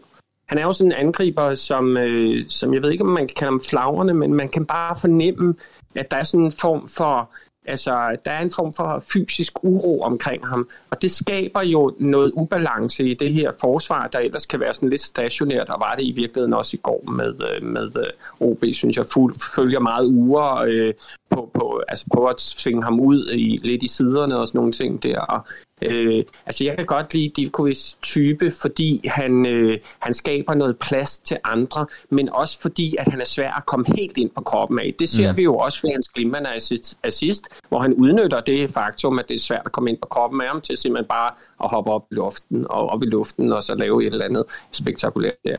Men altså, det er jo en måde, hvorpå en angriber ligesom... Det, det, det er ikke en type angriber, vi har haft så mange af, synes jeg, øh, som jeg kan huske det gennem tiden. Men øh, jeg kan sgu godt lide ham, og jeg, øh, jeg tænker, det kan der sagtens komme noget rigtig godt ud af. Ja, for han er, han er vel egentlig en, en type, som øh, har fart, er sådan rimelig målsøgende, og, øh, og, men samtidig også, altså uden at være, øh, være to meter høj, har en vis fysik, ikke Henrik? Altså han, mm. han øh, får nogle høje bolde nogle gange, hvor man tænker, den der vinder han aldrig. Og så alligevel, så formår han at, at vinde sådan en duel. Ja, altså udover det, så er han altså rigtig god til at finde, øh, finde rummene, øh, og han er jo meget dynamisk. Øh, så, så altså, han har, han har sgu mere speed, og jamen, han har altså faktisk også mere øh, kropsstyrke, end jeg lige havde regnet med, fordi det var du fuldstændig ret i. Altså, vi synes, hold da kæft, man fik han lige fat i den bold, og så fik han vendt, og så gik det stærkt. Øhm, så, så jo, jeg, jeg glæder mig til at se mere til ham. Øhm, jeg kan ikke lige se, hvem han skulle slå af i en startopstilling, faktisk. Men, men, øh, men lad os nu se, hvad, hvad der sker. Jeg synes, med jamen, både mod Viborg, og han havde også et rigtig godt indhop øh, i går. Hvordan, øh, hvordan oplevede du det fra, øh, fra sofaen, øh, øh, Selina, øh, med, med ja, corona-ramt og så videre? Altså, hvordan, øh, hvordan, hvordan så det ud derfra, hvor du så øh, hans indhop? Jamen, det var også øh, det, var det samme, som, som de andre siger. Det var, der var energi, der var, der var knald på. Altså, øh, og så synes jeg, han, øh, han vil bare fremad. Altså, han vil frem i vognen, og det kan jeg godt lide. At øh, det der øh, nogle gange, vi laver med at spille baglæns og, og køre bolden rundt og frem og tilbage, og det har jeg bare ikke nævnt til. Altså, den skal bare fremad, den bold. Altså, og det vil han. Øhm, så det, øh, ja, det var faktisk ret fedt. Og det er svært at se, ikke? Altså, hvem, der, hvem han skal, hvis plads han skal møve sig ind i stedet for. Øh, er du ikke enig i det? Jo, men det er det. Det er... Øh, jeg, jeg ved ikke... Øh, der er jo måske nogle af vores spillere, som egentlig måske kan være ret gode at have på, på måske en halv, øh, en halv kamp ad gangen, agtigt, og så kommer en ny ind med, med, med fart og energi. Øh, jeg ved, jeg ved ikke, jeg må indrømme, jeg ved ikke nok analytisk til at kunne sige, hvem han skulle vippe pinden, men, men det indhop, han gjorde i går i hvert fald, det gjorde noget godt, i min optik i hvert fald. Og tror, øh, altså, øh, en, en Simon Hedlund har vel egentlig en, en, en rigtig fornuftig arbejdsindsats i går, men, men er, det, er det ham, han øh, måske øh, på sigt kunne, øh, kunne gå ind og erstatte, eller hvad tænker du? Altså, han kan godt erstatte ham og, og start, være fast starter, men det hvis Hedlund han bliver solgt. Der på, altså, det er for et stort problem, det er, at vi spiller en 3-5-2, og der er to faste angriber. Og der skal med noget til at slå de to af. Øhm, og det tror jeg, han kan, og det, det, øh, det, det kan jeg godt være nervøs for. Det er det, der kommer til at koste os ham i sidste ende. Jeg tror, vi kunne måske godt, vi kommer til at miste ham på det her, fordi hvor længe gider han blive siddende på bænken? Altså, jeg synes, han er god. Jeg synes, han bringer noget. Øhm, han er, øh, som selv siger, han er sgu fysisk stærk, han er hurtig, han afslutter udefra, det kan jeg rigtig godt lide, at score ind og, og udfordre mand mod mand. Ja. Øh, jeg er bare virkelig bange for at miste ham. Altså, fordi Hedlund og Ure er bare faste starter. Øhm, og vi spiller en 3-5-2. Og det... Øh, jeg kunne godt tænke mig, at vi beholder ham, men, men han skal også være villig til at være at starte på bænken, så længe vi har de to andre. Ja, det er, det er lidt af dilemma, og, øh, og det skal selvfølgelig blive interessant at, at se, hvad der sker her til, til vinter med, med transfervindue og så videre. Øhm, men det må vi jo... Øh, det må vi jo se på, på til den tid. Nu, øh, nu kigger vi i hvert fald tilbage her over... Øh, øh, ja, altså vi, vi kan jo kigge en del Superliga-runder tilbage nu med, med stolthed, ikke? Og konstatere, at øh, Brøndby både vandt her senest over OB, men også inden da over øh, Viborg, og inden da i et derby. Der var også en Vejlekamp og så videre, og så videre. Øhm, der var også en, jeg så en, der var en, der lavede en meget sjov øh, table of Justice i dag. Øh, Yes. øh, antal kampe spillet siden øh, Jes Torup sagde, hvad med Brøndby? Øhm, og der har de så kun fået halvanden point per kamp, hvor vi har fået, hvad var det, 2,67 eller sådan et eller andet. Ja, ja, ligger klart nummer et. Og ligger klart nummer et. Ja, men, På vegne af alle Brøndby-fans, kære Jes Torup, din fucking klovn, mand. Har du ikke siddet og blive ved med at snakke din landsbytås, altså? For helvede, hvor er det fedt. Uh, nej, hvor er det sjovt. Jo, vi ligger klart nummer et på den, øh, på den ta- tabel der. Jeg synes simpelthen, det er så skægt, altså. det var også, Ja. det var også om hver sæson bemærkelsesværdigt. simpelthen bare skal have en, der taler Brøndby negativt ned, eller et eller andet. Sidste sæson, der var det kæp, ikke? Og nu blev det det er til. Vestur. Ja. Der er, bare, der, er, der er et eller andet lækkert i det, når det er en FCK-træner, der bare taler os taler lidt dårligt om os og prøver at sætte fokus, negativ fokus på os, og så hjerner vi bare derud af efter. Det, Det er så smukt. Det er så smukt. Det kan noget. Det kan Det noget. går lige i, ikke også? Altså, det, det er kraftet med fedt, altså. Og det er Elgiganten, eller er vi videre af den, Hvor- eller? Jeg, jeg tror, vi er ude i nogle, nogle 90'er Superliga-spillere, så jeg melder en kern lyne på den der. Og der var, Temaer på den der, yes. der var Jeg er også gået lidt en, væk fra julekalenderne nu. Ja. der var også en Jamen, anden, det er sgu da øh, også det rigtige tidspunkt, når vi nærmer os jul, Thor. For fanden, altså. Der var også en anden sjov, øh, jeg så, øh, øh, øh, hvem var det? Det var Martin Vingård, som øh, jeg tror er u, Mhm. et eller andet træner i, øh, i FCK, som øh, Yes. øh, også bemærkede, at, at øh, man kunne ikke være sådan efter FCK's indsats i Silkeborg, øh, fordi de havde jo lige spillet i Europa også, og, og var selvfølgelig lidt trætte og sådan noget. Og der, og der tænker jeg bare tilbage på, at det er det, det FCK, det en, nu siger jeg det lige med citationstegn, som lytterne ikke kan se, FCK-DNA, som der har været så meget snak om. Al- Altså det her med, at man ikke klarer sig så godt i runden efter Europa. Er det er det, det øh, de har let sådan efter derinde, eller hvad? Jeg synes, det er ellers at mindes en, en træner, de havde på et tidspunkt, der ikke er så meget hår på hovedet, som netop var ude at sige, at det, det kunne man da sagtens. Men det er måske nye tider derinde på Østerbro. Det er nye tider, du. Det er nye tider. Det er lækkert. Jeg kan, det er godt, lækkert. jeg kan godt lide det nye FCK. jeg Jeg kan kan godt lide det, mand. Ja, ja, det kan jeg også godt. Det er dejligt. Det er dejligt. Øh, ja, men altså, Thor, er der, er der mere, vi skal have med om, omkring den her OB-kamp? Jeg føler, du er den rigtige at spørge. Ja, det er et pishold, og vi vandt, og I fucking ringer og dårlige, mand. Og jeg håber, I rykker ned. Det var det. Ej, jeg synes også lige, øh, når nu vi har været øh, på, på, på, på øh, hvad skal man sige, på Thors vinkel, så, så Juri, så ved jeg, at du har garanteret også en eller anden vinkel, så lad os lige høre, øh, lad os lige høre din vinkel på, på den her kamp. Altså på kampen, eller... Øh, Nej, på, undskyld, på dit bog, øh, dit, dit litterære Ja. hjørne. Ja. Det er jo klart, at øh, altså det her, der, der, der bider sig selv i halen, det her øh, litterære tema, det, øh, det er klart, at når Odense kommer forbi Odense, så kan man jo ikke, øh, kan man jo ikke øh, undgå at nævne hos Andersen og dermed eventyret. Og jeg synes jo, det var, øh, det var på sin plads denne her gang i forbindelse med det her, fordi eventyr er faktisk noget, der ofte bliver sådan øh, vigtet ind i fodbold. Altså, altså, man kan godt lide de der, de der måder at kigge på fodbold på som et eventyr, og øh, den lille grimme Elling er jo repræsenteret i recepten, øh, øh, og, øh, og da vi vandt VM, EM, EM i 92, var det også den her analogi med, at vi var en lille grimme Elling, der kom med på et afbud, og så ender vi med det er en svane, osv. osv., osv. Så det her med eventyret, det er jo ligesom noget, øh, som stikker sådan lidt dybt ned i, øh, i fodbolden, og, øh, og hvis man skal kigge på eventyret, og øh, vores fornemmeste repræsentant for det var jo H.C. Andersen fra Odense, øh, jamen så har eventyret jo ligesom en, en, øh, hvad skal man sige, en dramaturgi, altså en måde at blive forløst på, øh, som, øh, som er sådan meget, øh, som er sådan meget øh, gentagende, øh, og derfor så genkender vi jo også et eventyr, øh, når vi ser det eller hører det. Øh, det er selvfølgelig blevet brugt meget af Bruno Bettelheim, den her verdenskendte psykolog, og da jeg ved, at øh, de fleste af vores lyttere, lyttere allerede er rimelig øh, sådan bekendte med hans teorier, så er der ingen grund til at gå længere ind i det. Øh, så derfor vil jeg i virkeligheden beskæftige mig med mere med det her med, hvornår er det sådan, at det her med eventyr-elementet så kommer ind, også måske med en klub som Brøndby, som måske netop appellerer til denne her til den her kendte ting, der er med eventyr, noget med, at man kommer fra et sted fra, som lidt er sådan i underskud, eller på en eller anden måde mangler noget, og så vil man have noget, som er sådan lidt mere, øh, øh hvad skal man sige, øh, stort, og man går efter nogle drømme og nogle håb og sådan noget. For eventyret er jo sådan med, at det har en forholdsvis enkel handling, der er en held, og der er nogle onde, øh, der er noget overvindelse, og der er noget modgang, der er sådan en rejse, man skal på, og så er der sådan en lykkelig slutning som regel af en eller anden slags. Jeg tror, at hvis jeg kigger på Brøndby og også skal kigge på det med sådan H.C. Andersen øjne, så er der måske mange, som ligesom kigger på øh, sæsonen øh, 17-18 øh, som et eventyr ind til Horsens-kampen. Altså et eventyr, der ligesom sluttede ulykkeligt.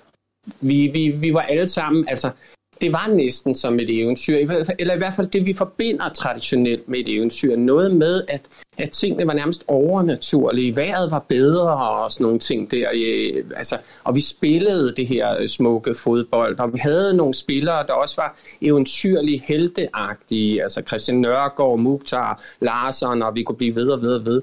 De var også pæne, altså pænere end normale, normale Brøndby-spillere har været, synes jeg. Altså, altså Brøndby-spillere har altid sådan været okay, men også sådan lidt håndværkeragtige at se på måske, og, og det har jo sin charme hos, øh, hos både kvinder og mænd, men altså de her, de var jo sådan også lidt pyntesyge og sådan lidt, øh, altså de var sådan lidt, øh, og det var netop derfor, det ikke kunne være et eventyr.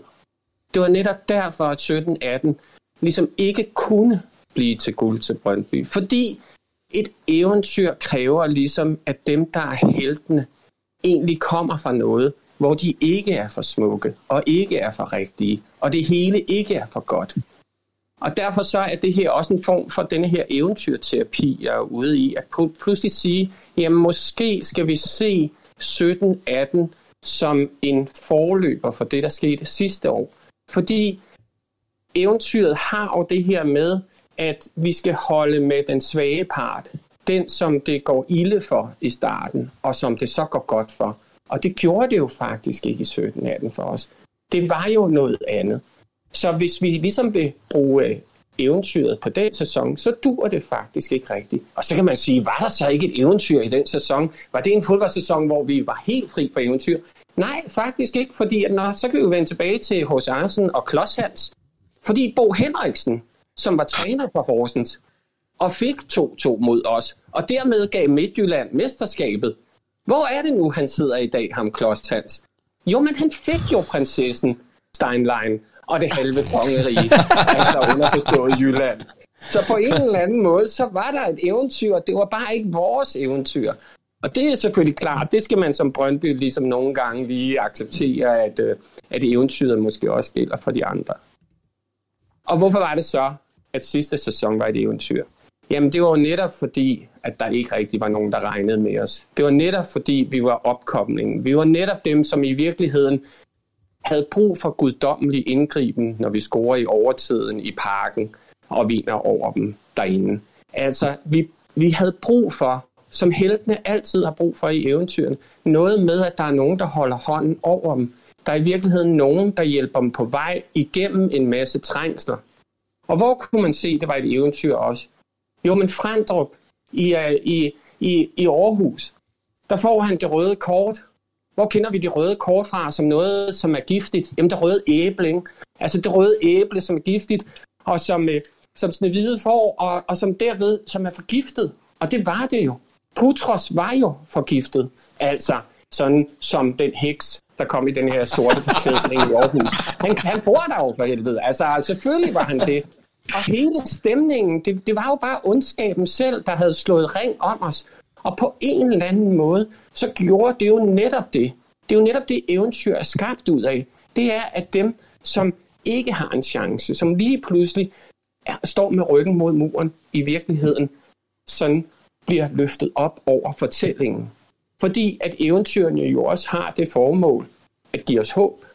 Giv alle os håb om, at det kan blive på en særlig måde, selvom vi måske ikke tror, vi er i stand til det. Og hvem var så helten, hvis man skal udpege en helt i Aarhus? Jamen, det kan ikke være andre end Hitler.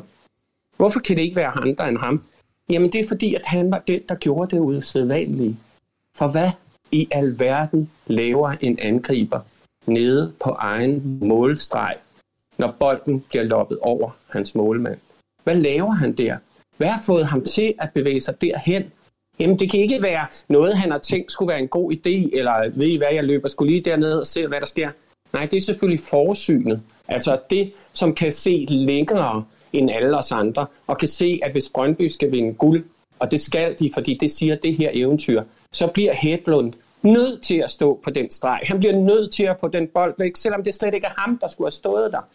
Og det ved vi jo fra de her eventyr, at det eventyrlige består jo i, at mennesker gør noget, som de ikke ville have gjort ellers, eller ikke ville have haft muligheden for. Og den der redning, den gjorde jo også noget andet, vi kender fra eventyrene. Den råber nemlig ud til verden, jamen de har jo ikke noget tøj på. Altså, det der, vi kender fra kejserens nye klæder, han råbte om AGF'erne. De har ikke noget tøj på. De kan ikke score. De kan ikke tage det her fra os. Og det er jo på den måde, at eventyret her sådan ligesom bliver personificeret igennem Hitler, men også igennem det her brøl om, at det her kan lade sig gøre, selvom alt var imod os. Og hvis man så stadigvæk er i tvivl om, var det nu et eventyr, og er det bare slud af det her, så er det jo allerede nævnt i denne her udsendelse, at Kenneth Emil Petersen spillede jo en kæmpe rolle i den her sæson. Vi fik 1%. 1% fik vi ærm for at blive mester. Og det ved vi godt også, at eventyrene altid har nærmest. Nogen, der ikke tror på heltens muligheder for at klare den. Nogen, som hele tiden skal påpege, at det her kommer aldrig til at gå, og dem, der tror på det, de må da være åndssvage i hovedet. Og på den måde, så spiller de en afgørende rolle, fordi netop deres tilstedeværelse gør jo, at det sker. Det er jo nærmest deres fortjeneste, at det faktisk lykkes. Og der må vi lige huske på, hvor var det nu, Kenneth Emil Petersen spillede de to sidste år af sin, ja, sin karriere? Var det ikke i Odense? Må ikke manden har læst op på sin H.C. Andersen og godt vidste, hvor det bare hen af? Må ikke han godt vidste, at den der snak om 1% i virkeligheden gjorde det til 100%? Jeg tror det selvfølgelig. Og på den måde, så bliver ringen ligesom sluttet. Sidste år var det eventyr, som vi ikke fik i 17-18 af rigtig gode grunde. Og her vil jeg gerne lige skyde en lille filmreference ind, for det har jeg også beskæftiget mig noget med gennem tiden. Der er en fantastisk film, der hedder Shadowlands, som handler om øh, forfatteren, øh, som skrev bøgerne om Narnia, øh, som bliver spillet, forfatteren bliver spillet af Anthony Hopkins. Han møder en, i sådan en sen alder, en middelalder, i sin, han er vel 50 øh, år, så møder han øh, en amerikansk forfatter, der bliver spillet af den underskønne Deborah Winger. Og de forelsker sig på en meget, meget fin og romantisk måde. Og det bliver så beskrevet i filmen, og hun bliver så meget syg og skal dø. Og det er ikke sådan en spoiler, fordi at det er sådan en biografisk film, og det ved man godt, hun skal. På et tidspunkt er de ude og gå en lang tur, og det er sådan, de bliver overrasket af et regnvejr, og de øh, søger ind i en lade. Og inde i den her lade, så øh, har de sådan et ømt øjeblik, hvor de kysser hinanden og kigger hinanden i øjnene, og så bliver Anthony Hopkins karakter, han bliver meget ked af det, fordi han selvfølgelig også kommer i tanke om hendes sygdom, og at det der, han skal miste. Og så kigger hun på ham, og så trøster hun ham ved at sige, at han skal altid huske, at den sorg, han føler nu, den er uløseligt forbundet med den lykke, de hele tiden har haft. Og på den måde, så siger hun til ham, at alt det, der kommer, det er forbundet med det, der har været. Og sådan var det også sidste år. Det eventyr, vi fik sidste år, eller det er sidste sæson, det er forbundet med den her 17-18 sæson. Vi må ikke se det ene som værende på bekostning af det andet. Nej, de to ting hænger sammen. Og her til sidst, hvad skal vi så bruge det her snak om eventyr til? Ja, betyder det noget? Er det bare noget, der sker en gang imellem? Jamen, jeg synes jo, at øh, for os fans, så er lykken aldrig begrænset til en sæson som et forløsende eventyr. Vi lever jo eventyret på daglig basis med en klub, som vi elsker, med et fællesskab, som vi ikke kan undvære. Og jeg tror, at hvis nogen skulle være i mindste tvivl om, hvorvidt det er et eventyr hver dag, så skal de vide, at vi hver eneste af os, hver eneste dag, året rundt, er fans, og vi er klubbens spejl. Hver gang Brøndby kigger på os, hver gang de tvivler på sig selv, altså spillerne, trænerne, ledelsen, så vil de se det samme syn, og de vil høre det samme svar på deres spørgsmål, når de spørger lille spejl på tribunen der, hvem er smukkest i landet her? Og så vil vi sige, Brøndby min, i hjertet du regerer. Det vil du gøre, til vi ikke er her mere. Der findes ingen smukkere end dig. Dine farver er lyset i øjnene på mig. Og kæft, det var, sgu, øh, det, var, det var virkelig smukt, det der, Louis. Det må jeg sige. For øh, satan. Det går lige i, ja. øh, i hjertet. Ja, det, ja, ja. det, det er sgu det vildt, Louis. Det ja, er det. Det Flot. er det. Ja. Ja, man sidder ja, på en lille smule ja, øh, ja. rørstrømsk her. Jeg har bare lyst til at læne sig tilbage, og så bare have mere, ikke? Ja. Altså, har du ikke... Uh... Ej, det, det var sgu godt gået, det der, ja. jeg sige. Det, det, der er og, ikke ord for det. Og sikkert nogle øh, minder, ikke? Altså, som man trækker frem. Og, og er helt enig med det der med, at, at øh, og det tror jeg også, vi har, vi har snakket lidt om før, måske på en anden måde, men det her med, at, at, øh, at øh, det er kun sjovt at vinde, fordi man også ved, hvor, øh, hvor hårdt det er at tabe. Altså det er ikke, øh, der er ikke, det, det, succeserne er ikke lige så sjove, hvis man ikke ved, hvor langt ned der er til, øh, til afgrunden, og har prøvet øh, noget, af det, noget af det, der er virkelig niver. Og, ja. øh, og på den måde er de jo også øh, forbundet. Ja, jamen øh, så fik vi også lige berørt øh, Juris boghjørn og, øh, og den litterære verden. Tusind tak for, for det, Juri. Um, jeg, er nød, jeg, jeg, jeg er nødt til at sige, altså, øh, jo, du, du er simpelthen fantastisk, men jeg, jeg er simpelthen lige nødt til at rette en kritik af Per her, for jeg tror, du gør det med vilje, Per. Du ved, at jeg siger, Thor, hvad så, har du lige noget mere til OB? Og så ved du, at min hjerne brænder sammen, og der kommer en masse mundlort. Du kunne lige så have råbt, bring out the gimp, come on, fordi du ved, at jeg bare fyrer lort af. Og så fyrer jeg mit lort af og så præsenterer vi Juri og hans fantastiske boghjørn bagefter. Det er som, du sætter det, det dumme op mod det gode hver gang, og jeg tror, du gør det med vilje. Det er sjovt, du siger bring up the game. Jeg har det faktisk stående her på mit talepapir. Nej, det passer selvfølgelig ikke. Og Thor siger tak for i aften. Så... Nej, jamen, øh, jeg tænkte bare, tror, at du skulle ikke have lov til at følge efter Juri, vel? Det har jo også været, øh, altså, været øh, svært, ikke? Så, jamen, øhm, ligegyldigt hvordan du sætter det op i den situation, så det er lort. Du skal, du skal jo bare lade være med at bede mig om at sige noget, for du ved, at det er lort, det der kommer ud af min mund. Og så Juri, med, igen med en fantastisk boghjørn, og det går lige hjertekugle. Og jeg sidder bare og tænker, du, du er så uintelligent. Tidligere så snakkede jeg Benny Andersen, du snakkede B.S. Christiansen. Det bliver bare dummere og dummere og dummere. Og Juri, han bliver mere og mere fantastisk. Og på den måde kan vi også gøre et eventyr ind over at sige, at øh, du vokser, og den pæne bror, og jeg er den dumme, grimme bror, eller søster, eller noget andet. Altså, ej, nu stopper jeg med at snakke. Ikke mere. Det var bare det. Men, men jeg vil gerne lige sige noget til, øh, til sådan det, der kom lige inden.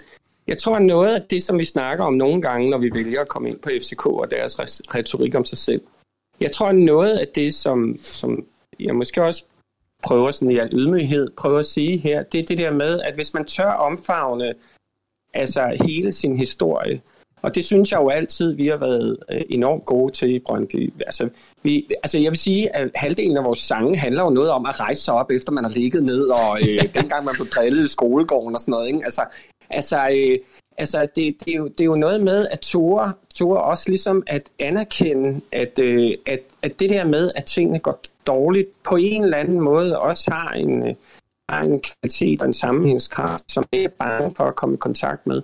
Og jeg tror jo nogle gange, at når vi snakker med FCK og griner lidt af dem, så er det fordi, de hele tiden flygter fra det. Altså, det, altså, fordi, fordi de hele tiden skal snakke om alt muligt andet så. Når det går dårligt, så skal de snakke om Europa, og så er det også fordi, de spiller for mange kampe, eller så er det også fordi noget andet, eller noget andet.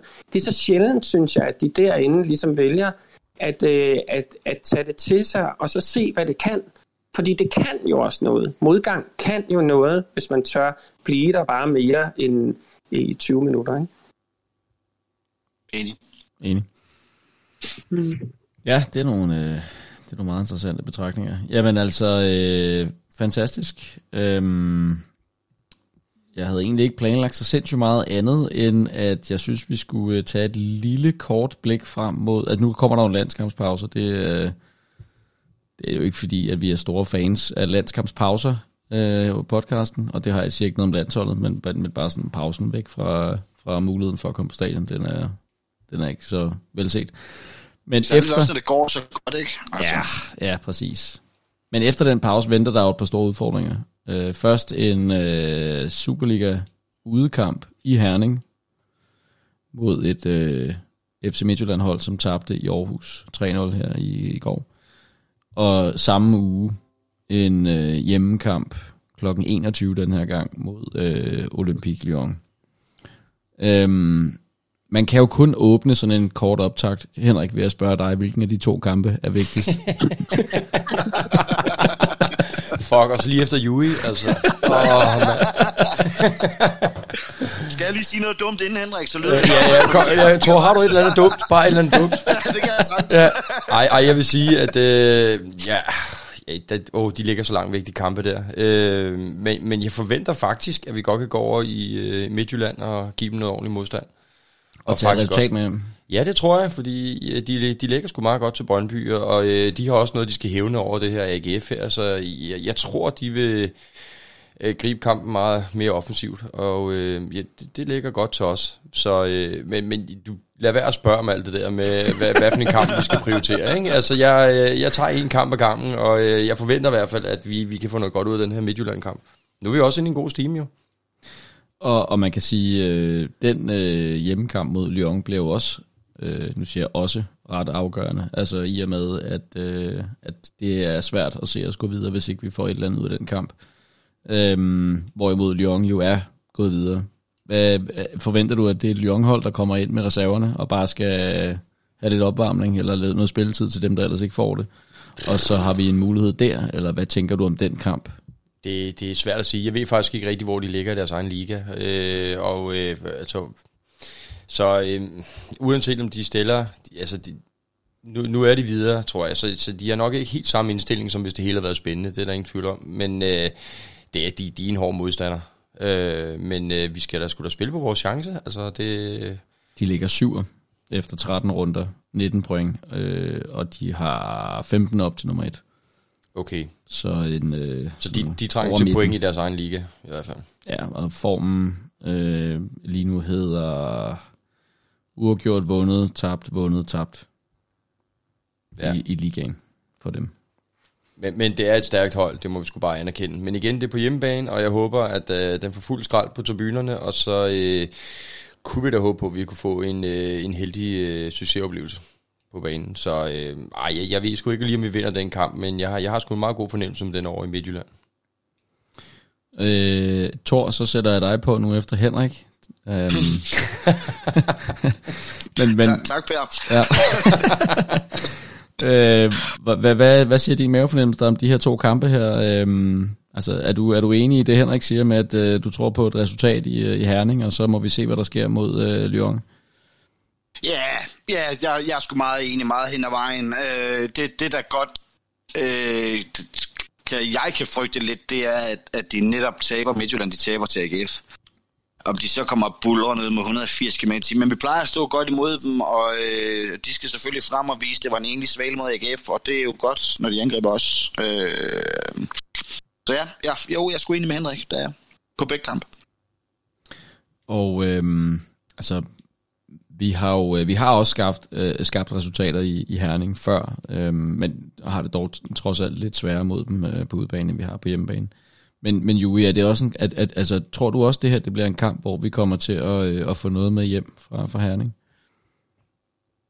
Øh, ja, det tror jeg egentlig, der er, en, der er en ret god mulighed for. Jeg synes, at øh, jeg synes egentlig, at Midtjylland, øh, hvad skal man sige, øh, altså det har, det har ikke været sådan helt suverænt hele vejen igennem. Vel? Der var også en kamp mod, var det ikke mod Sønderjysk også, som var sådan lidt, var det, var det, eller var det ikke det? Det tror jeg nok, det var øh, som var sådan lidt på vippen. Og sådan. Altså, jeg synes, de har et godt hold, men jeg synes også, de nogle gange lever lidt på, at uh, her, kommer Midtjylland, og så tryner de lidt modstanderne, og så... Altså, jeg så dem i hvert fald i første halvleg mod øh, FC Nordsjælland, der var, kunne der være glad for at ikke være bagud 4-0 i hvert fald. Øhm, så jeg tror egentlig, vi har en øh, fin chance. Jeg synes, vi står godt til dem. Øh, der kommer også lige to pokalkampe bagefter, hvor der også bliver et slagsmål der og sådan noget. Jeg, jeg synes, det er en kamp, der ligger til, at øh, den kan sagtens i hvert fald øh, blive uafgjort, men jeg vil ikke udelukke en sejr. Jeg vil gerne lige knytte en kommentar til Lyon-kampen til gengæld. Den har jeg faktisk hele tiden, da jeg så programmet, øh, og ligesom øh, kunne forstå, hvad det indebar, så, så, så gik det lige præcis, som jeg troede, at øh, Lyon var videre, når vi skal møde dem her. Og jeg vil sige, 25. Det er, en, det ikke den 25. november? Der er det sgu rimelig koldt heroppe, eller kan i hvert fald være det. Lyon øh, kæmper lidt i den franske liga, øhm, og det er rigtigt, at de, øh, selvom de spiller... Og oh, du bliver lige kottet lidt op her, Julie. Uh, vi er lidt svært ved altså, forhold, så har de rigtig gode spillere, men de vil til hvad? Undskyld. Nej, du Nå, bliver bare du bliver øh, altså, lige kottet op. Ikke, Fortsæt bare. Nå, Ja, okay. Øh, de, øh, de kører korrigere for at spille 0-0, så vi skal spille fodbold mod dem øh, på Brøndby Stadion, og, øh, og øh, det tror jeg, altså jeg, øh, jeg har været så øh, frisk at sige, at, øh, at øh, den øh, kamp vinder vi, og så den, der er vigtigst, det må være Midtjylland-kampen, den har vi jo vundet. Ja, jamen, øh, altså, øh, så kan jeg jo spørge dig, Selina, det bliver jo, øh, i, i, i hvert fald som det ser ud lige nu, øh, det kan jo noget ændre sig, men så, så, går det, eller så kan det godt gå og blive den sidste hjemmekamp i Europa. Øh, øh, forudsat, at vi så ikke øh, får skrevet flere point sammen og ender på den her placering her i, øh, i ligaen, jamen så er Europacup-kampagnen ude for, for den her sæson, efter den her hjem, eller der er selvfølgelig en kamp i Prag, men i hvert fald hjemmekampsmæssigt. Hvad, for, hvad, hvad, hvad har du forventninger til, til den her Lyon-kamp, Selina? Øhm, mm, jamen, jeg, jeg, jeg, jeg, jeg tror sgu, at de kommer herop for min Lyon. Jeg tror ikke på, at, fordi de har det jo nok også det her, men de spiller europæiske kampe, så skal de jo, de skal jo både kunne øh, skræmme de kommende modstandere lidt, og vise, at de kan noget. Øhm, og samtidig så, så er det jo også fedt at slå os på hjemmebane. Øhm, jeg tror ikke, de lægger sig fladt, og jeg tror ikke, de gemmer sig. Jeg tror, vi får god modstand. Øhm, men jeg tror til gengæld også, at, at vi kan byde dem op. Dem, der, der stod vi et andet sted øh, formmæssigt. Jeg synes, vi er blevet bedre til at spille sammen. Jeg hørte Mark Sø det i, i onsite. De her, øh, den her, øh, hvad, hvad hedder det, jamen det, den her spil sammen øh, mentalitet, som, som sidder bedre. Altså, det synes jeg er positivt, så jeg tror, tror godt, vi kan, vi kan hive en uafgjort med, med den, i den kamp. Det tror jeg godt, vi kan. Det skal i hvert fald øh, blive interessant at se. Øhm, der venter jo lige som sagt den her øh, landskampspause på, øh, på 14 dage, før at øh, vi øh, igen skal se Brøndby spille. Øhm, det var vel egentlig, hvad vi sådan øh, havde på, øh, på programmet her i, øh, i det her afsnit af, af Sydsidens Stemme. Jeg kigger lige rundt på panelet her og ser, om der er nogen, der har nogle afsluttende kommentarer eller bemærkninger. Ja. Ja. Thor?